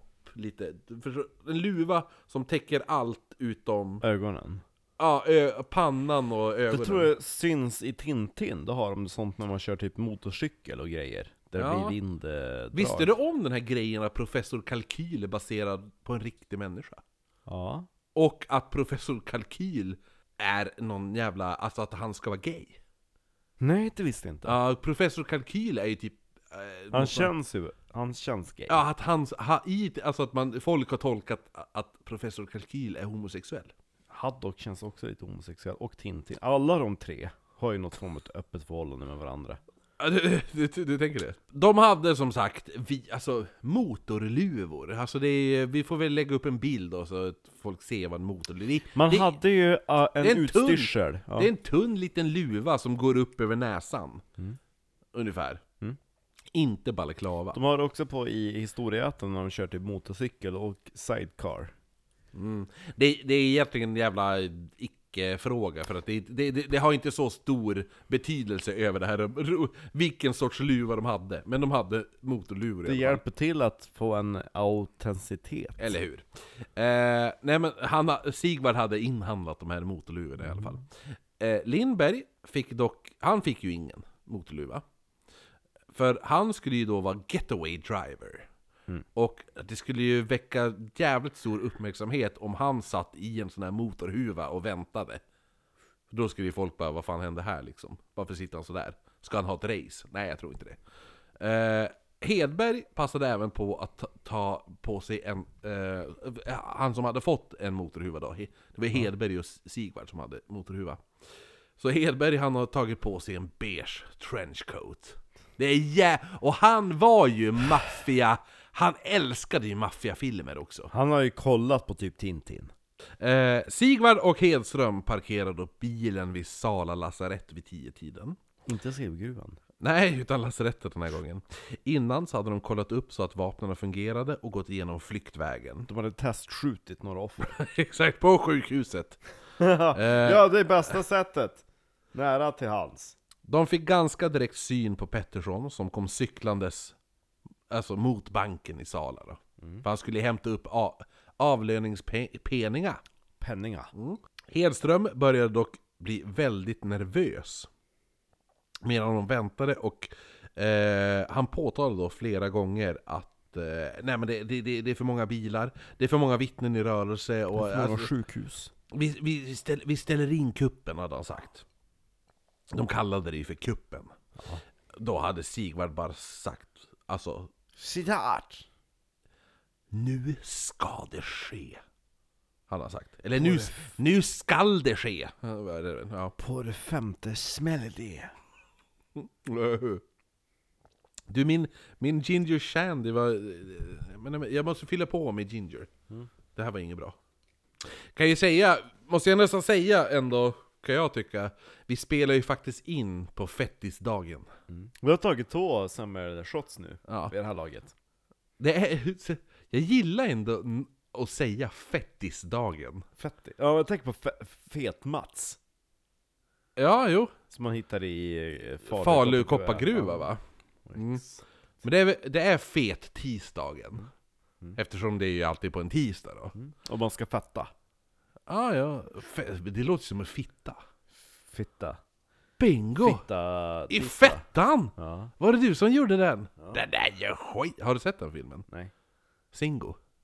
Nej. Har inte du sett? Den finns på youtube! Den... Alla, jag uppmanar alla gör att, det. att se filmen Singo med Björn Kjellman. Jaha. Och, eh, fan hon heter då? Aff... Eh, Brodita. Seierstam heter hon det? Ja, skitsamma. Mm. Eh, per Moberg är med i den. Ah, Tror han- kocken. Hans karaktär heter Kuken. Mos i den. Ja, där vi var i alla fall. I Sala. Ja, det var ju att Sigvard sa till Hedström, som, han var ju väldigt nervös och ville ställa in. Men då sa ju Sigvard då Nu, nu, nu ska det ske. På det femte smäller det. Efter en stund beordrar han den nervösa Hedström att köra mot Suckarnas allé. Som det heter. Menar du inte Suckarnas bro? Nej, Nej. Suckarnas allé. Allé. Okej, okej, okej. Så finns, finns idag fortfarande. Så, så det är inte den där bron? Nej, det, den allé. Det är inte en bro. Eh, där då, eh, Pettersson då, alltså han, det, det påtänkta offret. Yes. Förmodligen borde ha anlänt vid den här tidpunkten. Så han, de känner nu borde han ha kommit fram. Snart vid Suckarnas allé, så börjar köra. Eh, exakt, sprutmorden. Eh, Som inte kommit än. Jaha, eh, Petters, Pettersson, han hade kommit till allén, men de... Hade han, han kommit till allén? inte i allén, han hade kommit till allén. Eh, och de upptäckte att han var, hade kommit längre fram än vad de hade räknat, eller vad de hoppades på. Planen var ju att överfalla honom på en avtagsväg innan allén. För han fick inte komma till allén. Nej, och inte i allén heller. Nej. Men nu, han var ju redan framme i, vid allén. Mm. Ja. Och hade kommit. Säkert. Ja. Hedström, han, han, han var ju redan nervös och han ville ju avbryta alltihopa. Han bara nej, nej men det här går, det går inte det Han har här. ju redan kommit till allén. Ja, jo. Så han sa det, det det går inte det här, hade han Nej, det är sagt. en massa sagg där och skit. Och så började han, började gasa upp bilen och körde om Pettersson då. För Pettersson cyklar ju, som sagt. Och då körde ju de om med bilen längs allén då. Ja. Men han ville ju avbryta rånet. Men Sigvard väste då ut. Här. Så- Stopp! Stopp! Annars händer någonting. Ja, n- inte någonting. S- Utan stopp, annars händer det något, hade han sagt. Så Hedström saktade in bilen och började vänta in den här cykeln. Och Pettersson, han efter en stund i kapp bilen då, och började då cykla förbi den här bilen. Och då, när han är jämsides med bilen så skriker Sigvard NU! Och Hedström Nu! prejade ut Pettersson. Mm. Medan Sigvard samtidigt smällde upp dörren, så han flög ner i ett dike. Men det dör man ju inte av. Nej. Därefter kliver Sigvard ut fullt maskerad och försöker slita av Pettersson eh, hans väs- Cykeln? Nej, väs väs väskan som hänger på cykelns eh, Ja. styre där då. Ja. Det är alltså en väska med avlöningspengarna som är 22 500 Jävlar! kronor. Vem cyklar med sådana pengar? Pettersson. Petter. eh, Pettersson vägrade släppa taget. Sigvard drar fram en pistol och skjuter Pettersson i armen. Och då släpper han ju såklart. Inte ansiktet. Nej, han skjuter han i armen. Och han släpper då väskan och börjar då springa därifrån. Över, alltså det är som en åker här, så det är som ett fält. Så han springer ju då ut längs fältet, eh, som är då beläget bredvid vägen. Men istället för att, alltså att Sigvard då hoppar in i bilen och kör därifrån, eh, så väljer Sigvard att följa efter Pettersson. Och hinner ikapp honom efter bara 10 meter och skjuter honom då tre gånger till. Oj. Och Pettersson faller ihop blödandes på marken. Eh, efter en stund rusade Sigvard då till bilen och skrek Citat! Kör för fan i våld! Skrek han. Och så körde bilen iväg och de försvann från platsen. Men Hedström, som känt på sig att det skulle finnas vittnen eh, till det här, för han sa ju det innan då, Ja. hade haft rätt. En köpman på väg till Krylbo, eller Kryllbo, såg allt sammans och han upp, upp, han, han uppfattade registreringsskylten och cyklade sen direkt till Pettersson då, som hade blivit skjuten. Eh, och som fortfarande var vid liv. Oj. Och han sa då, jag har blivit skjuten och fråntagen en handväska innehållande 22 500 kronor. Sen dog han. Nej. Det här är ju då eh, över en, en halv miljon. Ja. Men överlever han? Vi kommer dit alldeles strax. Han överlever. Folk börjar nu samlas och en person skyndar sig för att eh, kontakta polis och ambulans. Alla andra står och filmar. Ja, med deras smartphones Ja. 1934. Ja. Ja, Handlevade. Smartphones. eller hur? Eh, samtidigt så, då, så kör nu Hedström och Sigvard fort genom landsvägarna mot Sätra brunn. Oh, där ja. Mm. De hade ju varit där... Ja, där! Som vi skulle säga i På spåret. Ja, men vi tog ju upp Sätrabrunn i förra avsnittet, för det var där de hade tänkt mörda kvinnan och dumpa henne i Sala silvergruva. Så är det. I ena schaktet. Mm. Men de, han mördade ju istället taxichauffören. Eh, längs vägen, efter så pass, passerat, när de har passerat Gullvalla så stannar de eh, bilen och Sigvard springer ut till ett skogsparti där han begraver majoriteten av pengarna. Efter det så sätter han sig själv bakom ratten och så kör de till platsen där Lindberg väntade med hyrbilen. Sigvard släppte av dem sen eh, i Köping, där Hedström nu bedrev verks, hans, hans egen verkstad då. Där även Filip Hammar kommer ifrån. F- eh, Filip och Fredrik, du vet. Ja, han som är släkt med hon från Glad Hudik. Nej, en annan del av Köping är han släkt med. Glada Hudvik är Glada Hudviksteatern. Alltså eh, Sigvard åkte då till sitt hem, som nu låg, alltså han hade ju flyttat igen då, eh, som då var på Backvägen i Runby. Dit han nu har flyttat då. Rynby.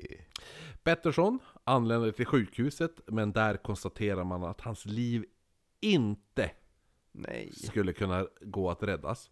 Han var Men du kan ju berätta igen, hur mycket var det de hade stulit från dig? Ja, jag tar det en gång till, jag stod där ute. Jag, jag tror, ja, det var en trevlig dag. Du, du, kommer dö om tre timmar. Ja, det, ja, men jag har gott om tid på mig. Jag föddes ah, 1900. Ja. Eh, nej, men, Och fall, då kom man! ja, eh, men jag tänker ändå att han var inte en, eh, vad hette Julin. han då? Julin. Utan eh, Pettersson var ändå, han var bra, han, han, han var duktig på att förklara. Han eh, var tillräckligt vaken för att göra en redogörelse. Som han inte gjorde för polisen, utan han gjorde det för sin bror som satt bredvid hans sjuksäng då. Eh, Du är duktig på att rita. ja.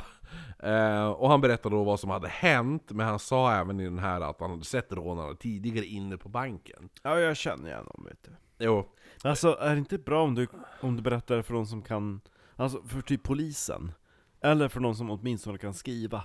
Jo men det var ju att polisen skulle ju ta en, en eh, hans vittnesuppgifter dagen efter. Ja, var men ju vi det som var tar- tanken. Brorsan först.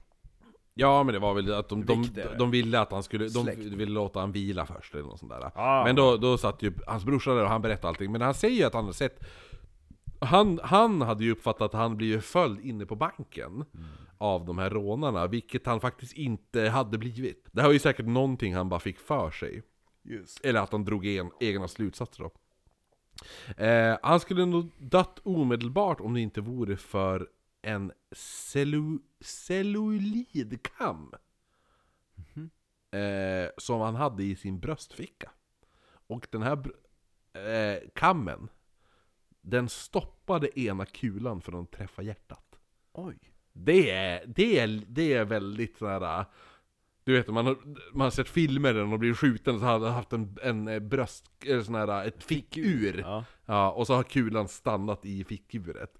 Lite så, fast han hade en, en kam då, en, en vad, vad heter det nu igen? Celluloid. Ja, cell, celluloidkam. Ja. Jag vet inte vad det är, men vi får kolla upp det. Någon plastborste. Men plast kan det väl inte vara? Ja. Jag tänker att det är någon jävla... Ja, ja i alla fall. Eh, Pettersson, hur som helst, avled sju på morgonen dagen efter.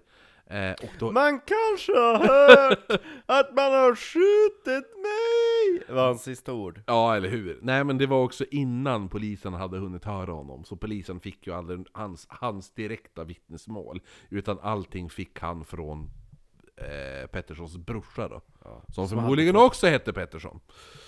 Som eh, kände till allting. Ja. Polisen lyckades hitta den stulna bilen och fann att registreringsskylten var falsk. Man upptäckte också att under juni månad hade det hittats sex stycken stulna bi alltså Stockholmsregistrerade bilar i Sala. Vilket tydde på bra lokalkännedom om, om Sala, nummer ett. Men man fann även att, alltså de, de, de förstod ju att, att det här har ju varit att de har övat innan. Okej. Alltså övat på att stjäla bilar. Ja. Övat på, alltså just att då, det här har ju varit planerat länge. Fattar de ju. Med tanke på att under, under en månad har man hittat sex stulna bilar från Stockholm i Sala. Det är lite konstigt liksom. Det är underligt. Ja. Man fann även att eh, en man hade kommit in i en affär där han har köpt två stycken ettor och två stycken W till registreringsskyltar. För kommer du ihåg jag sa att man kunde köpa separata bokstäver och siffror? Den här grejen intresserade ju så, såklart polisen också. Eh, man hade även nu såklart dragit in Stockholmspolisen som, hade, som även hade fått ett hett tips. Eh, detta var av, då av en biluthyrningsfirma. Där det var ju alltså de som hade hyrt ut bilen till Sigvard. Eh, för de hade ju fått tillbaka bilen från, från en uthyrning. Och då hade de hittat patron, en patronhylsa i bilen när de städade den sen. Och då hade de ju kontaktat polisen. Och då var det polisen bara, ja, kanske, kanske är den bilen då som vi, som vi letade efter det. Eh, de sa att en man vid namn Turneman hade hyrt bilen och polisen kände att det var en bra, alltså Namn. Ja, men de kände väl lite så här. Ja, men det, det är förmodligen bara, det är förmodligen en tid, tidsfråga innan de här åker fast. Lite dumt av Sigvard att använda sig av Turneman när han hyr bilen dock. Kan jag tycka. Mm. Men innan polisen hann följa upp spåret om den här eh, som hade hyrt eh, bilen så hade en viss Åke Widlund sett att man utlovat en belöning på 2000 kronor på den tiden för tips som, ut, som gjorde att gärningsmannen då skulle åka dit. Och Widlund berättade att han hade blivit tillfrågad av Erik Hedström, alltså som vi har pratat om tidigare, då, Hedström, om han ville vara med på ett rån mot postbudet som fraktade löningspengarna från strå, nej, till strå, strå kalkbruk. Men när han fick höra att postbudet även skulle mördas så ville han inte vara med på planerna. Råna, absolut. Mörda, nej. Mm. Eh, även eh, en man som sålt vapen till den magiska cirkeln trädde fram också och började vittna om saker. För den här, den här lö, l- vad heter det nu, summan på 2000, belöningen på 2000 kronor, den var jävligt lockande för många magiska cirkelmedlemmar. Så Salapolisen hade under åren fått många tips om den magiska cirkeln, men inte utrett dem. Köpingpolisen som Widlund tipsade, för han, Widlund kom ju alltså inte till Salapolisen eller Stockholmspolisen, han kom till Köpingpolisen. De satte fart samma kväll som de får det här tipset. Jaha. De omringade Hedströms verkstad, där han bodde, och tre poliser väntade på nedervåningen medan den fjärde gick upp och knackade på lägenheten. Eller på dörren då till lägenheten. Ja. Då det var mitt i natten så vaknade Hedström i tron om att det var någon som hade fått motorstopp och behövde... Karin. Ja, det var... Han trodde att, att det var någon som kanske hade fått motorstopp och behövde hjälp, så han öppnade dörren och poli, polisen stormar då in. Genom dörren. Ja, såklart. Inte genom det var fönstret. jättedumt ifall han öppnade dörren och alla hoppade in genom fönstret. Väldigt kul däremot. Han var faktiskt på gott humör och skämtade lite med poliserna som, alltså när de Vad kör... gör ni här? Konstaplar. Det finns ju så många Men det var ju någon, det var någon grej att när han satt i bilen och körde, då körde de förbi en så många gata. nazister ni kan köpa istället. Nej men det var, de körde förbi en gata som hette typ så här. Den sorgsna gatan, och han bara ja den här gatan lever ju verkligen upp till namnet, eller något sånt där. Ja. Typ sådana saker. Ja men det är mysigt, jag tror man uppskattar det, för jag tänker det här är ju ändå typ eh, vardagsjobb för polisen. Då är det kul om, eh, om man bjuder till lite grann som... Väl, väl framme så nekade han ju då till brott, men efter ett par timmar utan sömn så började han ju säga emot sig själv och de bara ja men bäst att du erkänner, för din historia, det, Det är bara weird alltihopa. Så han erkänner ju då till sist och uppgav då sina kumpaner Åke Lindberg och Sigvard Tudeman. Nästa man att gripas var Sigvard. Polisen fick information att han skulle fira midsommar hos sina föräldrar. Och polisen gav sig då dit. När de knackade på så öppnade Sigvards mamma. Och sa att nej men han är inte här. Och polisen bara, vi tror att han är här. Så de kliver ju in ändå. Ja. Och då går de in då i huset och så finner de Sigvard som ligger och sover. Eh, I en soffa. Jaha. Poliskonstapeln som först upptäckte han väcker ju då Sigvard som sov med en revolver. Du! Har du sett Sigge? Nej, han väcker han och Sigvard sover alltså med en revolver under kudden. ja, han ligger som Karin. Ja. Ja. Nej men så att när polisen väcker han så, han säger polisen... Ja. Men herregud!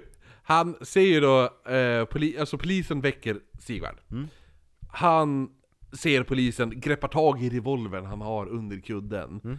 Och eh, ska eh, dra den och för att skjuta ihjäl polisen. Men han är så jävla, den här polisen är, Packad. Nej, nej, nej, han, han är, nej men polisen är väldigt eh, kvick. Ja. Eh, Thomas Quick. Nej men han är väldigt, eh, han är väldigt snabb. Kvick. Ja, så att han, eh, han eh, tar ju bara tag i hans händer, styr bort pistolen och sådär och så sätter han handfängsel på honom. App, app, app. Och så sen, och ehm, sa, han säger då att han är arresterad för rånmordet på Elon Pettersson Och Sigvard svarade då citat! Men Karin! Den saken har jag ingen kännedom om. Han har sagt. No.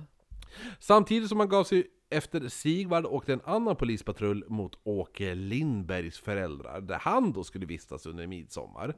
Men Lindbergs mamma berättade att nej, han, han är med sin flickvän. Hans mamma lät helt plötsligt som eh, Vanheden. Nej, han är... Li- Lindberg vet du, han är med sin flickvän ja. Eh, Han och de hade då tagit tåget till Sala för att fira midsommar där. På I gruvan. Nej, på värdshuset Måns Ols. Men då polisen åkte dit till det här värdshuset så fanns de ju inte där. Vad som hade hänt var att de hade klivit av tåget, de hade mött en bekant som berättade att Hedström var gripen och att polisen sökte efter två medhjälpare. Lindberg berättade då för sin flickvän att Hedström var hans vän och att polisen säkert ville tala med honom. Flickvännen föreslog då att ta tåget tillbaka men Förmodligen så visste ju Lindberg att polisen skulle stå och vänta där på tågstationen. Så, eh, för, eh, för de hade ju köpt en returbiljett så polisen kunde kolla upp. Har han varit här? Ja, han har varit här. Köpte han en returbiljett? Ja, då väntar ju polisen där såklart. Eh, så han säger då, vi vandrar tillbaka. Vi vandrar tillbaka. Dock, på vägen tillbaka medan de vandrar så kommer en polis gåendes längs samma väg och ser då Lindberg och sprang då till Måns Ols värdshus och larmade sina kollegor och Lindberg kunde då gripas. De förs till förhör där Jansson, så Jansson, han är ju inte med dem utan han ser ju. Jansson ser sina eh, så här, Grejer. brotts... Eh, brotts eh, Kompanjoner. kompanjoner blir gripna och förda och han går ut och skriker LYNCHA DEM! Vilken... Ja. Ja men det är kul att veta att man är på... Tack! Jag kände verkligen att jag var uppbackad av dig. Din jävel. Det här var ju förmodligen för att han inte, för att kunna distans, alltså, åh, skriker här då kommer de säkert inte tro att jag har varit med. Eh, men han blir ju själv gripen de kommande dagarna. Mm. Rättegången inleddes efter bara 21 dagar, vilket gav polisen endast 20 dagar att utreda. Det här är väldigt mystiskt. Det är otroligt kort tid för att samla bevis och sådana där saker. Och det finns då spekulationer att underrättelsetjänsten påverkat ut, alltså, polisutredningen. Att de ville ha en snabb. För de ville inte att, att folk skulle förstå att Sigvard kanske har jobbat med underrättelsetjänsten. Men som sagt, det här är teorier. Du vet menar? Men det är väldigt konstigt att, att det, det, från att de grips så är det bara 21 dagar till rättegång. Det är, ju snabbt. sinnessjukt snabbt. Snabbt. Mm. Fram till rättegången så vallas Sigvard av polisen, som det kallas då, när man tar ut en brottsling för att han ska visa brottsplatser och sådana där saker. Det heter att man vallas. Precis, med en Eh, hund. Ja, de åker ut till de olika brottsplatserna där Sigvard med ena handen fast i handklovar kopplat till en polisman berättar om händelseförloppet. Det här finns bild på allt på Nej det här. vad kul! Mm. Ja. Eh, jag har den i boken där, jag kan visa sen.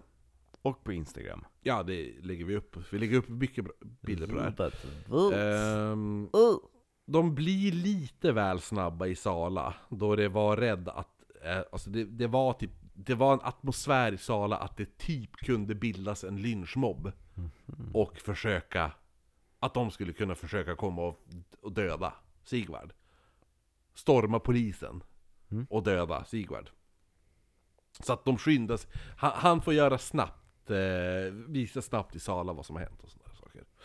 Under rättegången så försökte alla med, alltså medbrottslingarna övertyga domaren om att de var oskyldiga och att Sigvard hade hypnotiserat dem. Det var ju Sigge! Ja, att han hade hypnotiserat dem att utföra brotten. Medan Sigvard försökte försvara sig genom att berätta om sina teorier om hypnos och andlighet och allt det där.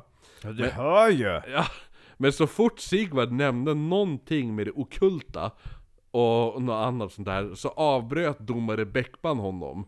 Som inte alls tyckte, han, han, han, sa, han sa det här flera gånger, det här hör inte hemma i domstol, sluta prata om det. Ja. Och Sigvard bara, men jag vill försöka förklara. ja. Ja, men förklara om något annat, för det här hör inte hemma i en domstol. Men gud vad drygt! Ja, så att han, han kunde ju aldrig liksom förklara. Jo, alltså, anledningen till att jag mördade den här personen med ett pentagram och vaxljus Nej! Det hör inte hemma i en domstol! Nej, precis. Förklara egentligen den riktiga anledningen, jag vill inte höra om dina jävla påhitt. Nej, alltså, alltså när det är fullmåne så tror jag att det Ja, är- nej, jag skiter i det. Jag, fullmåne hit och fullmåne dit, berätta nu vad som hände. Det var lite så. Ja, verkligen. Ja, nej men det var typ så, så han Ja. fick ju aldrig... Stackarn! Ja, han kunde aldrig förklara någonting om sina Nej. teorier och allt det här. Jag hör inte hemma! Nej. Nej. Nej. Eh, det roligaste också var att... Eh, eh, vad heter det nu? För han sa, det här är ju bara nonsens, det du håller det är på med. nonsens. Ja. Så, och den här domaren Bäckman då, han försökte ju flera till, tillfällen under rättegången Men vad hände med Falk? Men han försökte göra narr av Sigvard Och hans teorier om andlighet. Och för, för Sigvard började ju för, försöka förklara om astrala resor och sådär Ja, ja, ja. Han pratade ju om månen förra veckan, var det härnäst? Ja, men grejen varje gång den här domaren försökte göra narr av Sigvard Så för, för Sigvard, alltså, eller Tuneman då, han var ju jävligt snabbtänkt. Och han besvarade alla såna här hån och alla Oh. pikar Väldigt listigt Jaha. Och det slutade ofta med att alla i rättssalen istället skrattade åt domaren Nej vad kul! Ja Direkt han sa någonting, typ hånade hans Ja, men det teorier ja, du och- inte här med en, en eh, domstol, ja men alltså Det har ju väl någon relevans med Ja, att det är fullmåne om natten? Jo men det, han skulle bara, säkert... det, det kan ju bidra till varför jag såg vissa saker eller inte Men han sa ju typ sådana här saker, typ om han bara 'Det här hör inte hemma i en domstol' Mm. Och då kunde säkert Sigvard säga någonting Ja, men det gör väl inte du heller, men du sitter ju här ändå Ja! Typ nice! såna, ja, typ sådana saker sa han Bitch slap! ungefär. Ja, riktigt, ja. det är ju så här. Ja, Man presenterade även under rättegången det var därför du som höll på att runka av den magiska cirkelns planer på att, eh, för de hade planer, man hittade ju de här planerna, Planerna. på, ja, att de skulle Artillerikanoner Ja, de skulle spränga Handelsbankens huvudpostkontor på Vasagatan i Stockholm då det här. Inte Sala, nej. Nej, vilket då skulle göra massa, att massa poliser åkte dit Och efter alla poliserna upptagna med det här kaoset med sprängningen och den där Då skulle de rå- råna Handelsbankens kontor på Centralplan Och då även skjuta ihjäl all personal det var planen. Men eh, man hade faktiskt laddat upp med 30 kilo dynamit Och planen utfördes nästan. Nästan. Ja, anledningen varför den inte utfördes Det var för att Jansson dök aldrig upp. Vid möte, mötesplatsen. Så de genomförde aldrig sprängningen. Eh, En annan plan som de inte heller genomförde var att storma polisstationen i Sala och skjuta ihjäl alla poliser i Sala. Det hade de också planer på. Det är också smart Hedström, Lindberg, Jansson och Abrahamsson dömdes alla till livstids straffarbete. Men Sigvard Thunman vart det är ett komplicerat fall. Man genomförde en noggrann rättspsykiatrisk utredning. Den eh, som gjorde den här utredningen var en viss Olof Kinberg, eller Kinberg. Den här Olof Kinberg då, som vid den här tiden, han satt även i styrelsen för Rashygieniska institutet. Ja, han var ful. Mm, och han dömde folk till rättspsykiatrisk vård eh, i procent av alla han, alla han gjorde re- utredningar på. Vad skulle du gissa? 88 procent. 96 procent Hyfsat Dömda. nära. ja, dömde han att, att, de, de, be, att de var psykiskt störda. Mm. Och behövde rätt, rättspsykiatriskt. Eh, om man jämför det med den genomsnittliga siffran idag. Vad tror du den genomsnittliga siffran idag är? I... i eh, hur många som döms till rättspsykiatrisk vård. Kinberg, det var 96% av de han dömdes, genomsnittliga idag. 65. 0,4. Va? Mm. Nej! Men slure. Ja, men det, det är lite grann som vi har pratat om i många viktorianska fall och äldre fall, att bara åh, om jag, om jag spelar sinnessjuk då får jag Eller bli Lite, benådad. Da- David Berkowitz gjorde ju det. Ja. Eh, han var ju, han, han sa ju, han hittade ju bara på att hans hund, grannes hund, hade sagt åt honom att mörda människor. Det är därför han kallas The Son of Sam, för han menar ju att det var Sam som sa Just alltihopa, och det var hans det, jävla, det var, det, allt var ju bara bullshit, det var ju bara för att slippa elektriska stolen. Ja. Tror han lever faktiskt. Bullshit. Eh, under de här samtalen så berättade Sigvard att han själv såg sig som Belzebub, alltså djävulen då. Skarbaggen. Ja, och eh, kallade sig själv för den mörke. Han eh, ändrade sig sen då och berättade att det var inte alls Belzebub han har sett. För han trodde att när han har gjort sina astrala resor, Mm.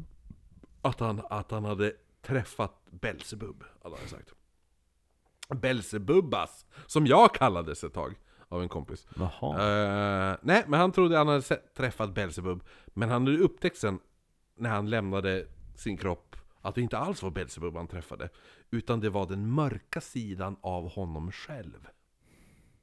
Om, lite för att ta tillbaka till det här med Zelda och Link. Mm. För Link, då, man slåss ju oftast i Zelda-spelen, så slå, när man är, då är man ju Link då. Då slåss man ju oftast mot sin skuggsida. En skuggversion av sig själv. Det är den mörka Link då. Jag Ja. vet, i ett, i, i, i någon Zelda-spel gör man det. Ja. Ja men jag tror det är ganska många. Eh, han berättade även att han, Magne får korrekta mig. ja, han berättade även att han fått mentala instruktioner av dansken Andersen. Danserdromen Andersen. Ja, nej men dansken där, som han hade, som han hade haft som mentor, Ja, som pratade om där. Eh, om att han skulle rånmörda och eh, allting berätt, berättig, vad ska man säga, berättigades allting hur som helst. Med att eh, människor var indelade i två grupper. En var god och en var ond, och Sigvard sa ju då att han tillhörde ju den här onda sidan och ansåg även att världen bara var en illusion och att själen inte skadades, som vi pratade om tidigare. Dödar man kroppen skadas inte själen, så att han, han rättfärdigade är väl ordet jag sökte efter. Yes. Men han sa ju då att han har ju fått de här instruktionerna av den här Andersen, dansken. Men polisen började ju då tvivla på om den här jävla Andersen faktiskt ens har existerat. För varken danska eller svenska poliser kunde hitta någon jävla Andersen. På, på de här, han uppgav två adresser och ingen Andersen fanns där. I då, det fanns en Andersen i Slagelse, där vi berättade, pratade förut om att han hade varit med det här stora mötet, första stora mötet Ja. där. Som då den här Andersen, som de hittade, skulle då 1926 gjort en kvinna gravid. Och den Andersen skulle då tillhört ett esoteriskt hemligt sällskap och hypnotiserat den här kvinnan att döda barnet. Eh, efter det så försvann han spårlöst. Så det var en teori om att det kanske var, det kanske var den Andersen då. Ja. Även en bok om hypnos var skriven av en viss Karl Andersen. Som de intresserade sig för, men det här visade sig att den här Karl Andersen, han existerade inte utan boken var skriven av en tysk läkare. ja, men det går ju bra nu. Ja, polisen arbetade för att hitta eh, den här Andersen, alltså Det var, Andersen? deras arbete var inte speciellt, alltså det var jävligt halvdant, det var inte speciellt välskött eller någonting. Och det är kanske därför man aldrig fann honom. Förmodligen var Andersen är bara en pseudonym. Eh, och han hette ju säkert något annat. Skulle jag gissa. För det är ju ändå hans, alltså Sigvards syster och föräldrar har ju ändå vittnat om den här dansken som har bott hemma hos honom. Eller hemma hos dem. När, när Sigvard var ung, när han träffade honom. Eh, men i alla fall, plus att polisen i stort sett, eh, de kollade ju bara för de visste ju att de bara, ah, men han är en magiker och bla bla, hade de ju typ sagt. Och då hade ju de bara gått omkring och kollat typ danska Joe Labero. Ungefär. Kända illusionister och underhållare som typ Sigvard eh, hade ju också... På folk. Ja, eller han, Sigvard hade ju sagt typ att men kolla in de här, de är medlemmar i den magiska cirkeln. Men lite typ Joe Labero. Mm. Eh, Men eh, polisen fokuserade, alltså... Det, det, de- de fokuserade på det och inte typ den undre världen. De kanske skulle kunna grävt lite djupare där. Yes. För den undre världen i Danmark på den här tiden var jävligt etablerad. Var det så? Ja, ifall, ifall man ser typ, det finns en jävligt bra film, verklighetsbaserad film som heter Flamman och citronen. Där får man en liten inblick och det är ju under andra världskriget. Hur jävla underground Danmark var ett tag. Men det finns tre teorier om Andersen i alla fall. Den ena är att han aldrig existerade, att Sigvard bara hittade på honom. Okej. Men som jag sa, att eh, Sigvards familj har ju faktiskt haft besök av en person som kallade sig för Andersen. Vem var han då i så fall om inte han existerade? Den andra teorin är att Andersen egentligen var den kända ockultisten och luciferianen Ben Kadosh som var med i Ordo Templi Orientis, eller OTO, som praktiserade sexmagi. Plus att Kadosh bodde mitt emellan de två adresserna som, i Köpenhamn som Sigvard hade, hade angett. Och Så si- att han eh, var djävulsdyrkare. Han var det ja. Satanist. Han var djävulsdyrkare ja. Och satanist. Djävulsdyrkare ja. Satanist. Den tredje teorin är att Andersen... var som- satanist. Nej, den tredje teorin är att Andersen, som då säkert heter något annat då, ska ha fått reda på vilken väg Sigvard nu tog. Att den... I livet? Nej, men vad han gjorde med den svenska förlangen av den magiska cirkeln. Vilket inte stöttade den, den danska falang, eller den danska grunden. Eh, för de skulle ju säkert inte stötta rånmord och sådana här saker. Och att Sigvard då istället för att, alltså, han ska då ha mördat Andersen. Och begravt honom i skogen. Det är en tredje teori. Ja, det är spännande. Ja, men Sigvard ansågs i alla fall inte vara galen, men dömdes ändå till rättspsykiatrisk vård. För de tyckte att han hade så skev världsbild. Mm. Eh, Och han fick ju inte berätta sin version i domstolen för att det inte här med en domstol. Exakt. Eh, nej men han hade skev världsbild och ä- även skev självbild och var så ondsint att man inte ville ha honom i ett vanligt fängelse. Och han hamnade då på avdelning A på Säters sjukhus. Av, ja, avdelningen för de mest våldsamma fångarna. Men, Ja. men han flyttades väldigt snabbt, för han var väldigt försynt. Så han flyttades då efter en kort tid till avdelning B. Sigvard skötte sig under sin tid exemplariskt, vilket gav honom förmånen att promenera fritt i skogarna runt anstalten. Något han hellre gjorde än att vistas på rastgården, då han i motsats till resterande fångar inte var psykiskt sjukt. Plus att han var högintelligent, liksom. Eh, de andra var ju bara weirdos. På anstalten lärde han sig latin, ryska, spanska och sanskrit. Han designade avancerade rymningsplaner som han sålde till andra medfångar. Eh, själv hade han inga tendenser att fly, utan han gjorde bara väldigt bra rymningsplaner som han kunde sälja till medfångarna. Vad kul! Ja, det, jag, gillar den grejen liksom. Ehm, han ägde en radio som ofta var inställd på prog- program som spelade klassisk musik eller jazz. Den här radion hade han byggt själv. Ja. Så han kunde få in de här kanalerna. Han, Inget annat. Nej, han utövade sin dagliga yoga och uppdaterade sig med världsnyheterna. Han försökte några gånger bli förflyttad till ett mindre strängt bevakat sjukhus och hade angett överläkaren Olof Dag Dagberg som referens, som intygade att Sigvard inte skulle begå några nya brott, men hans ansökan den avslogs varje gång. För det vart ju mediaramaskri varje gång han försökte. Så att han hade ju som svenska folket emot sig lite grann. I slutet av 60-talet började han ko- eh, få komma ut på permissioner då, som han tillbringade i Göteborg, hos en kvinna på i, Inegogatan. Google. Ja, i, in, Inegogatan 27B. Man vet dock inte deras relation. Eh, 1969, 32 år i fångenskap. Då släpps Sigvard och det första han gör är att ta sig till Hedström. Som då bodde i Nol utanför Göteborg. Där han, eh, då Sigvard bosatte sig där ett tag tills han skaffade en lägenhet på Abrahamsbergsvägen 13 i Bromma. Där han i princip isolerade sig. Eh, och då i isolering där i sin lägenhet så studerade han magi, hypnos och yoga. Han hade en stor skivsamling med klassisk musik och hade även byggt ett eget surroundsystem med 29 högtalare. Coolt. Han drygade ut sin pension genom att arbeta som översättare åt Karolinska institutet och han firade sin 70-årsdag genom att bjuda över två av sina grannfruar på kaffe som mycket väl vi visste vem Sigvard Tuneman var. Han hade nu bytt namn till Nilsson, men de visste att det här var seriemördaren. Ja, året efter, den 11 juni 1979, så avlider då Sigvard Tuneman och askan spreds på Sala kyrkogård en, efter hans eget önskemål. Och det var slutet på Salaligan. Det hade jag inte förväntat mig. Vadå, vad hade du förväntat dig? Bankrån?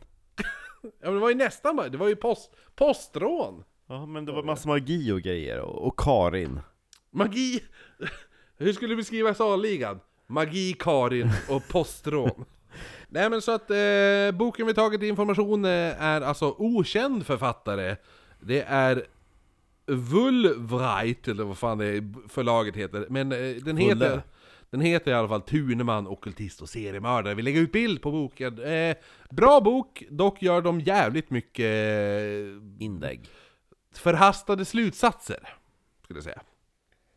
Men bra bok, bra info. Så att, ja, men det var det. Var det. det var Salaligan. Eh, det som vann över Jenny Lind-omröstningen. Så Jenny Lind står kvar. Men, eh, och det är ju det är, det är ditt önskemål Marcus. Och nu ska du få välja ett nytt önskemål, så du har ditt, ditt ja, eh, två av Marcus önskemål så stå emot varandra. Men alltså, Jenny Lind kommer inte vinna så länge du lägger upp den där jävla bilden på... När hon ser lite downsig ut.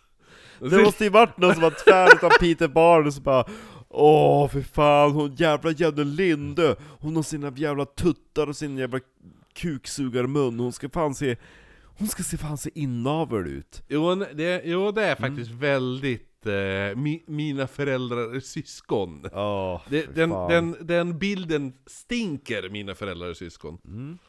Precis. Vilket hon inte, nej, det, så var det inte alls.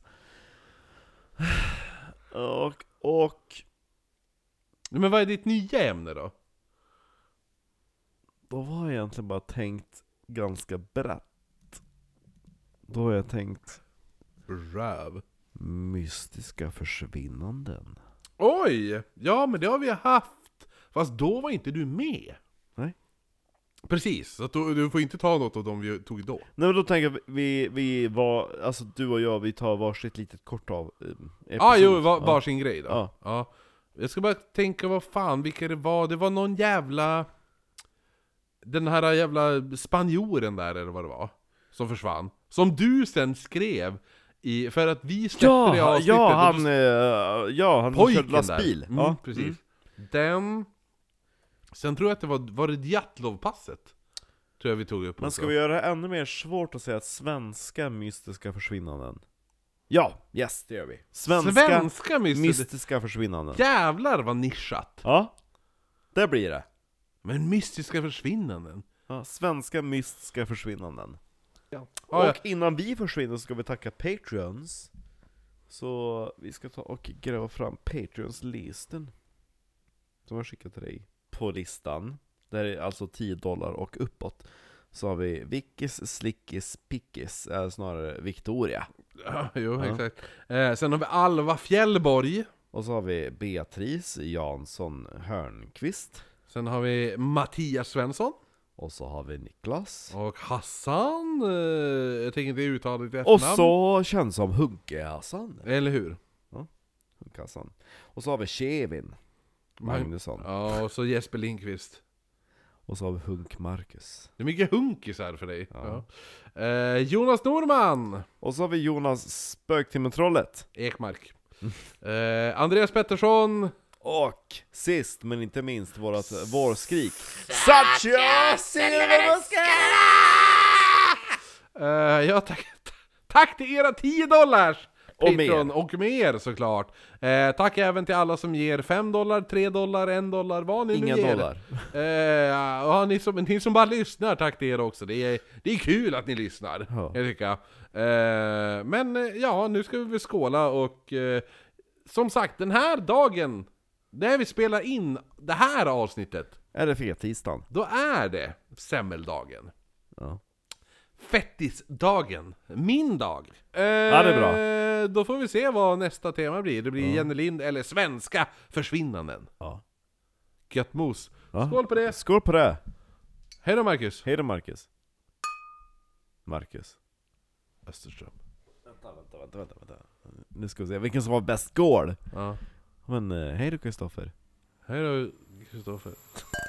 Marcus. Kristoffer. Österström. Marcus.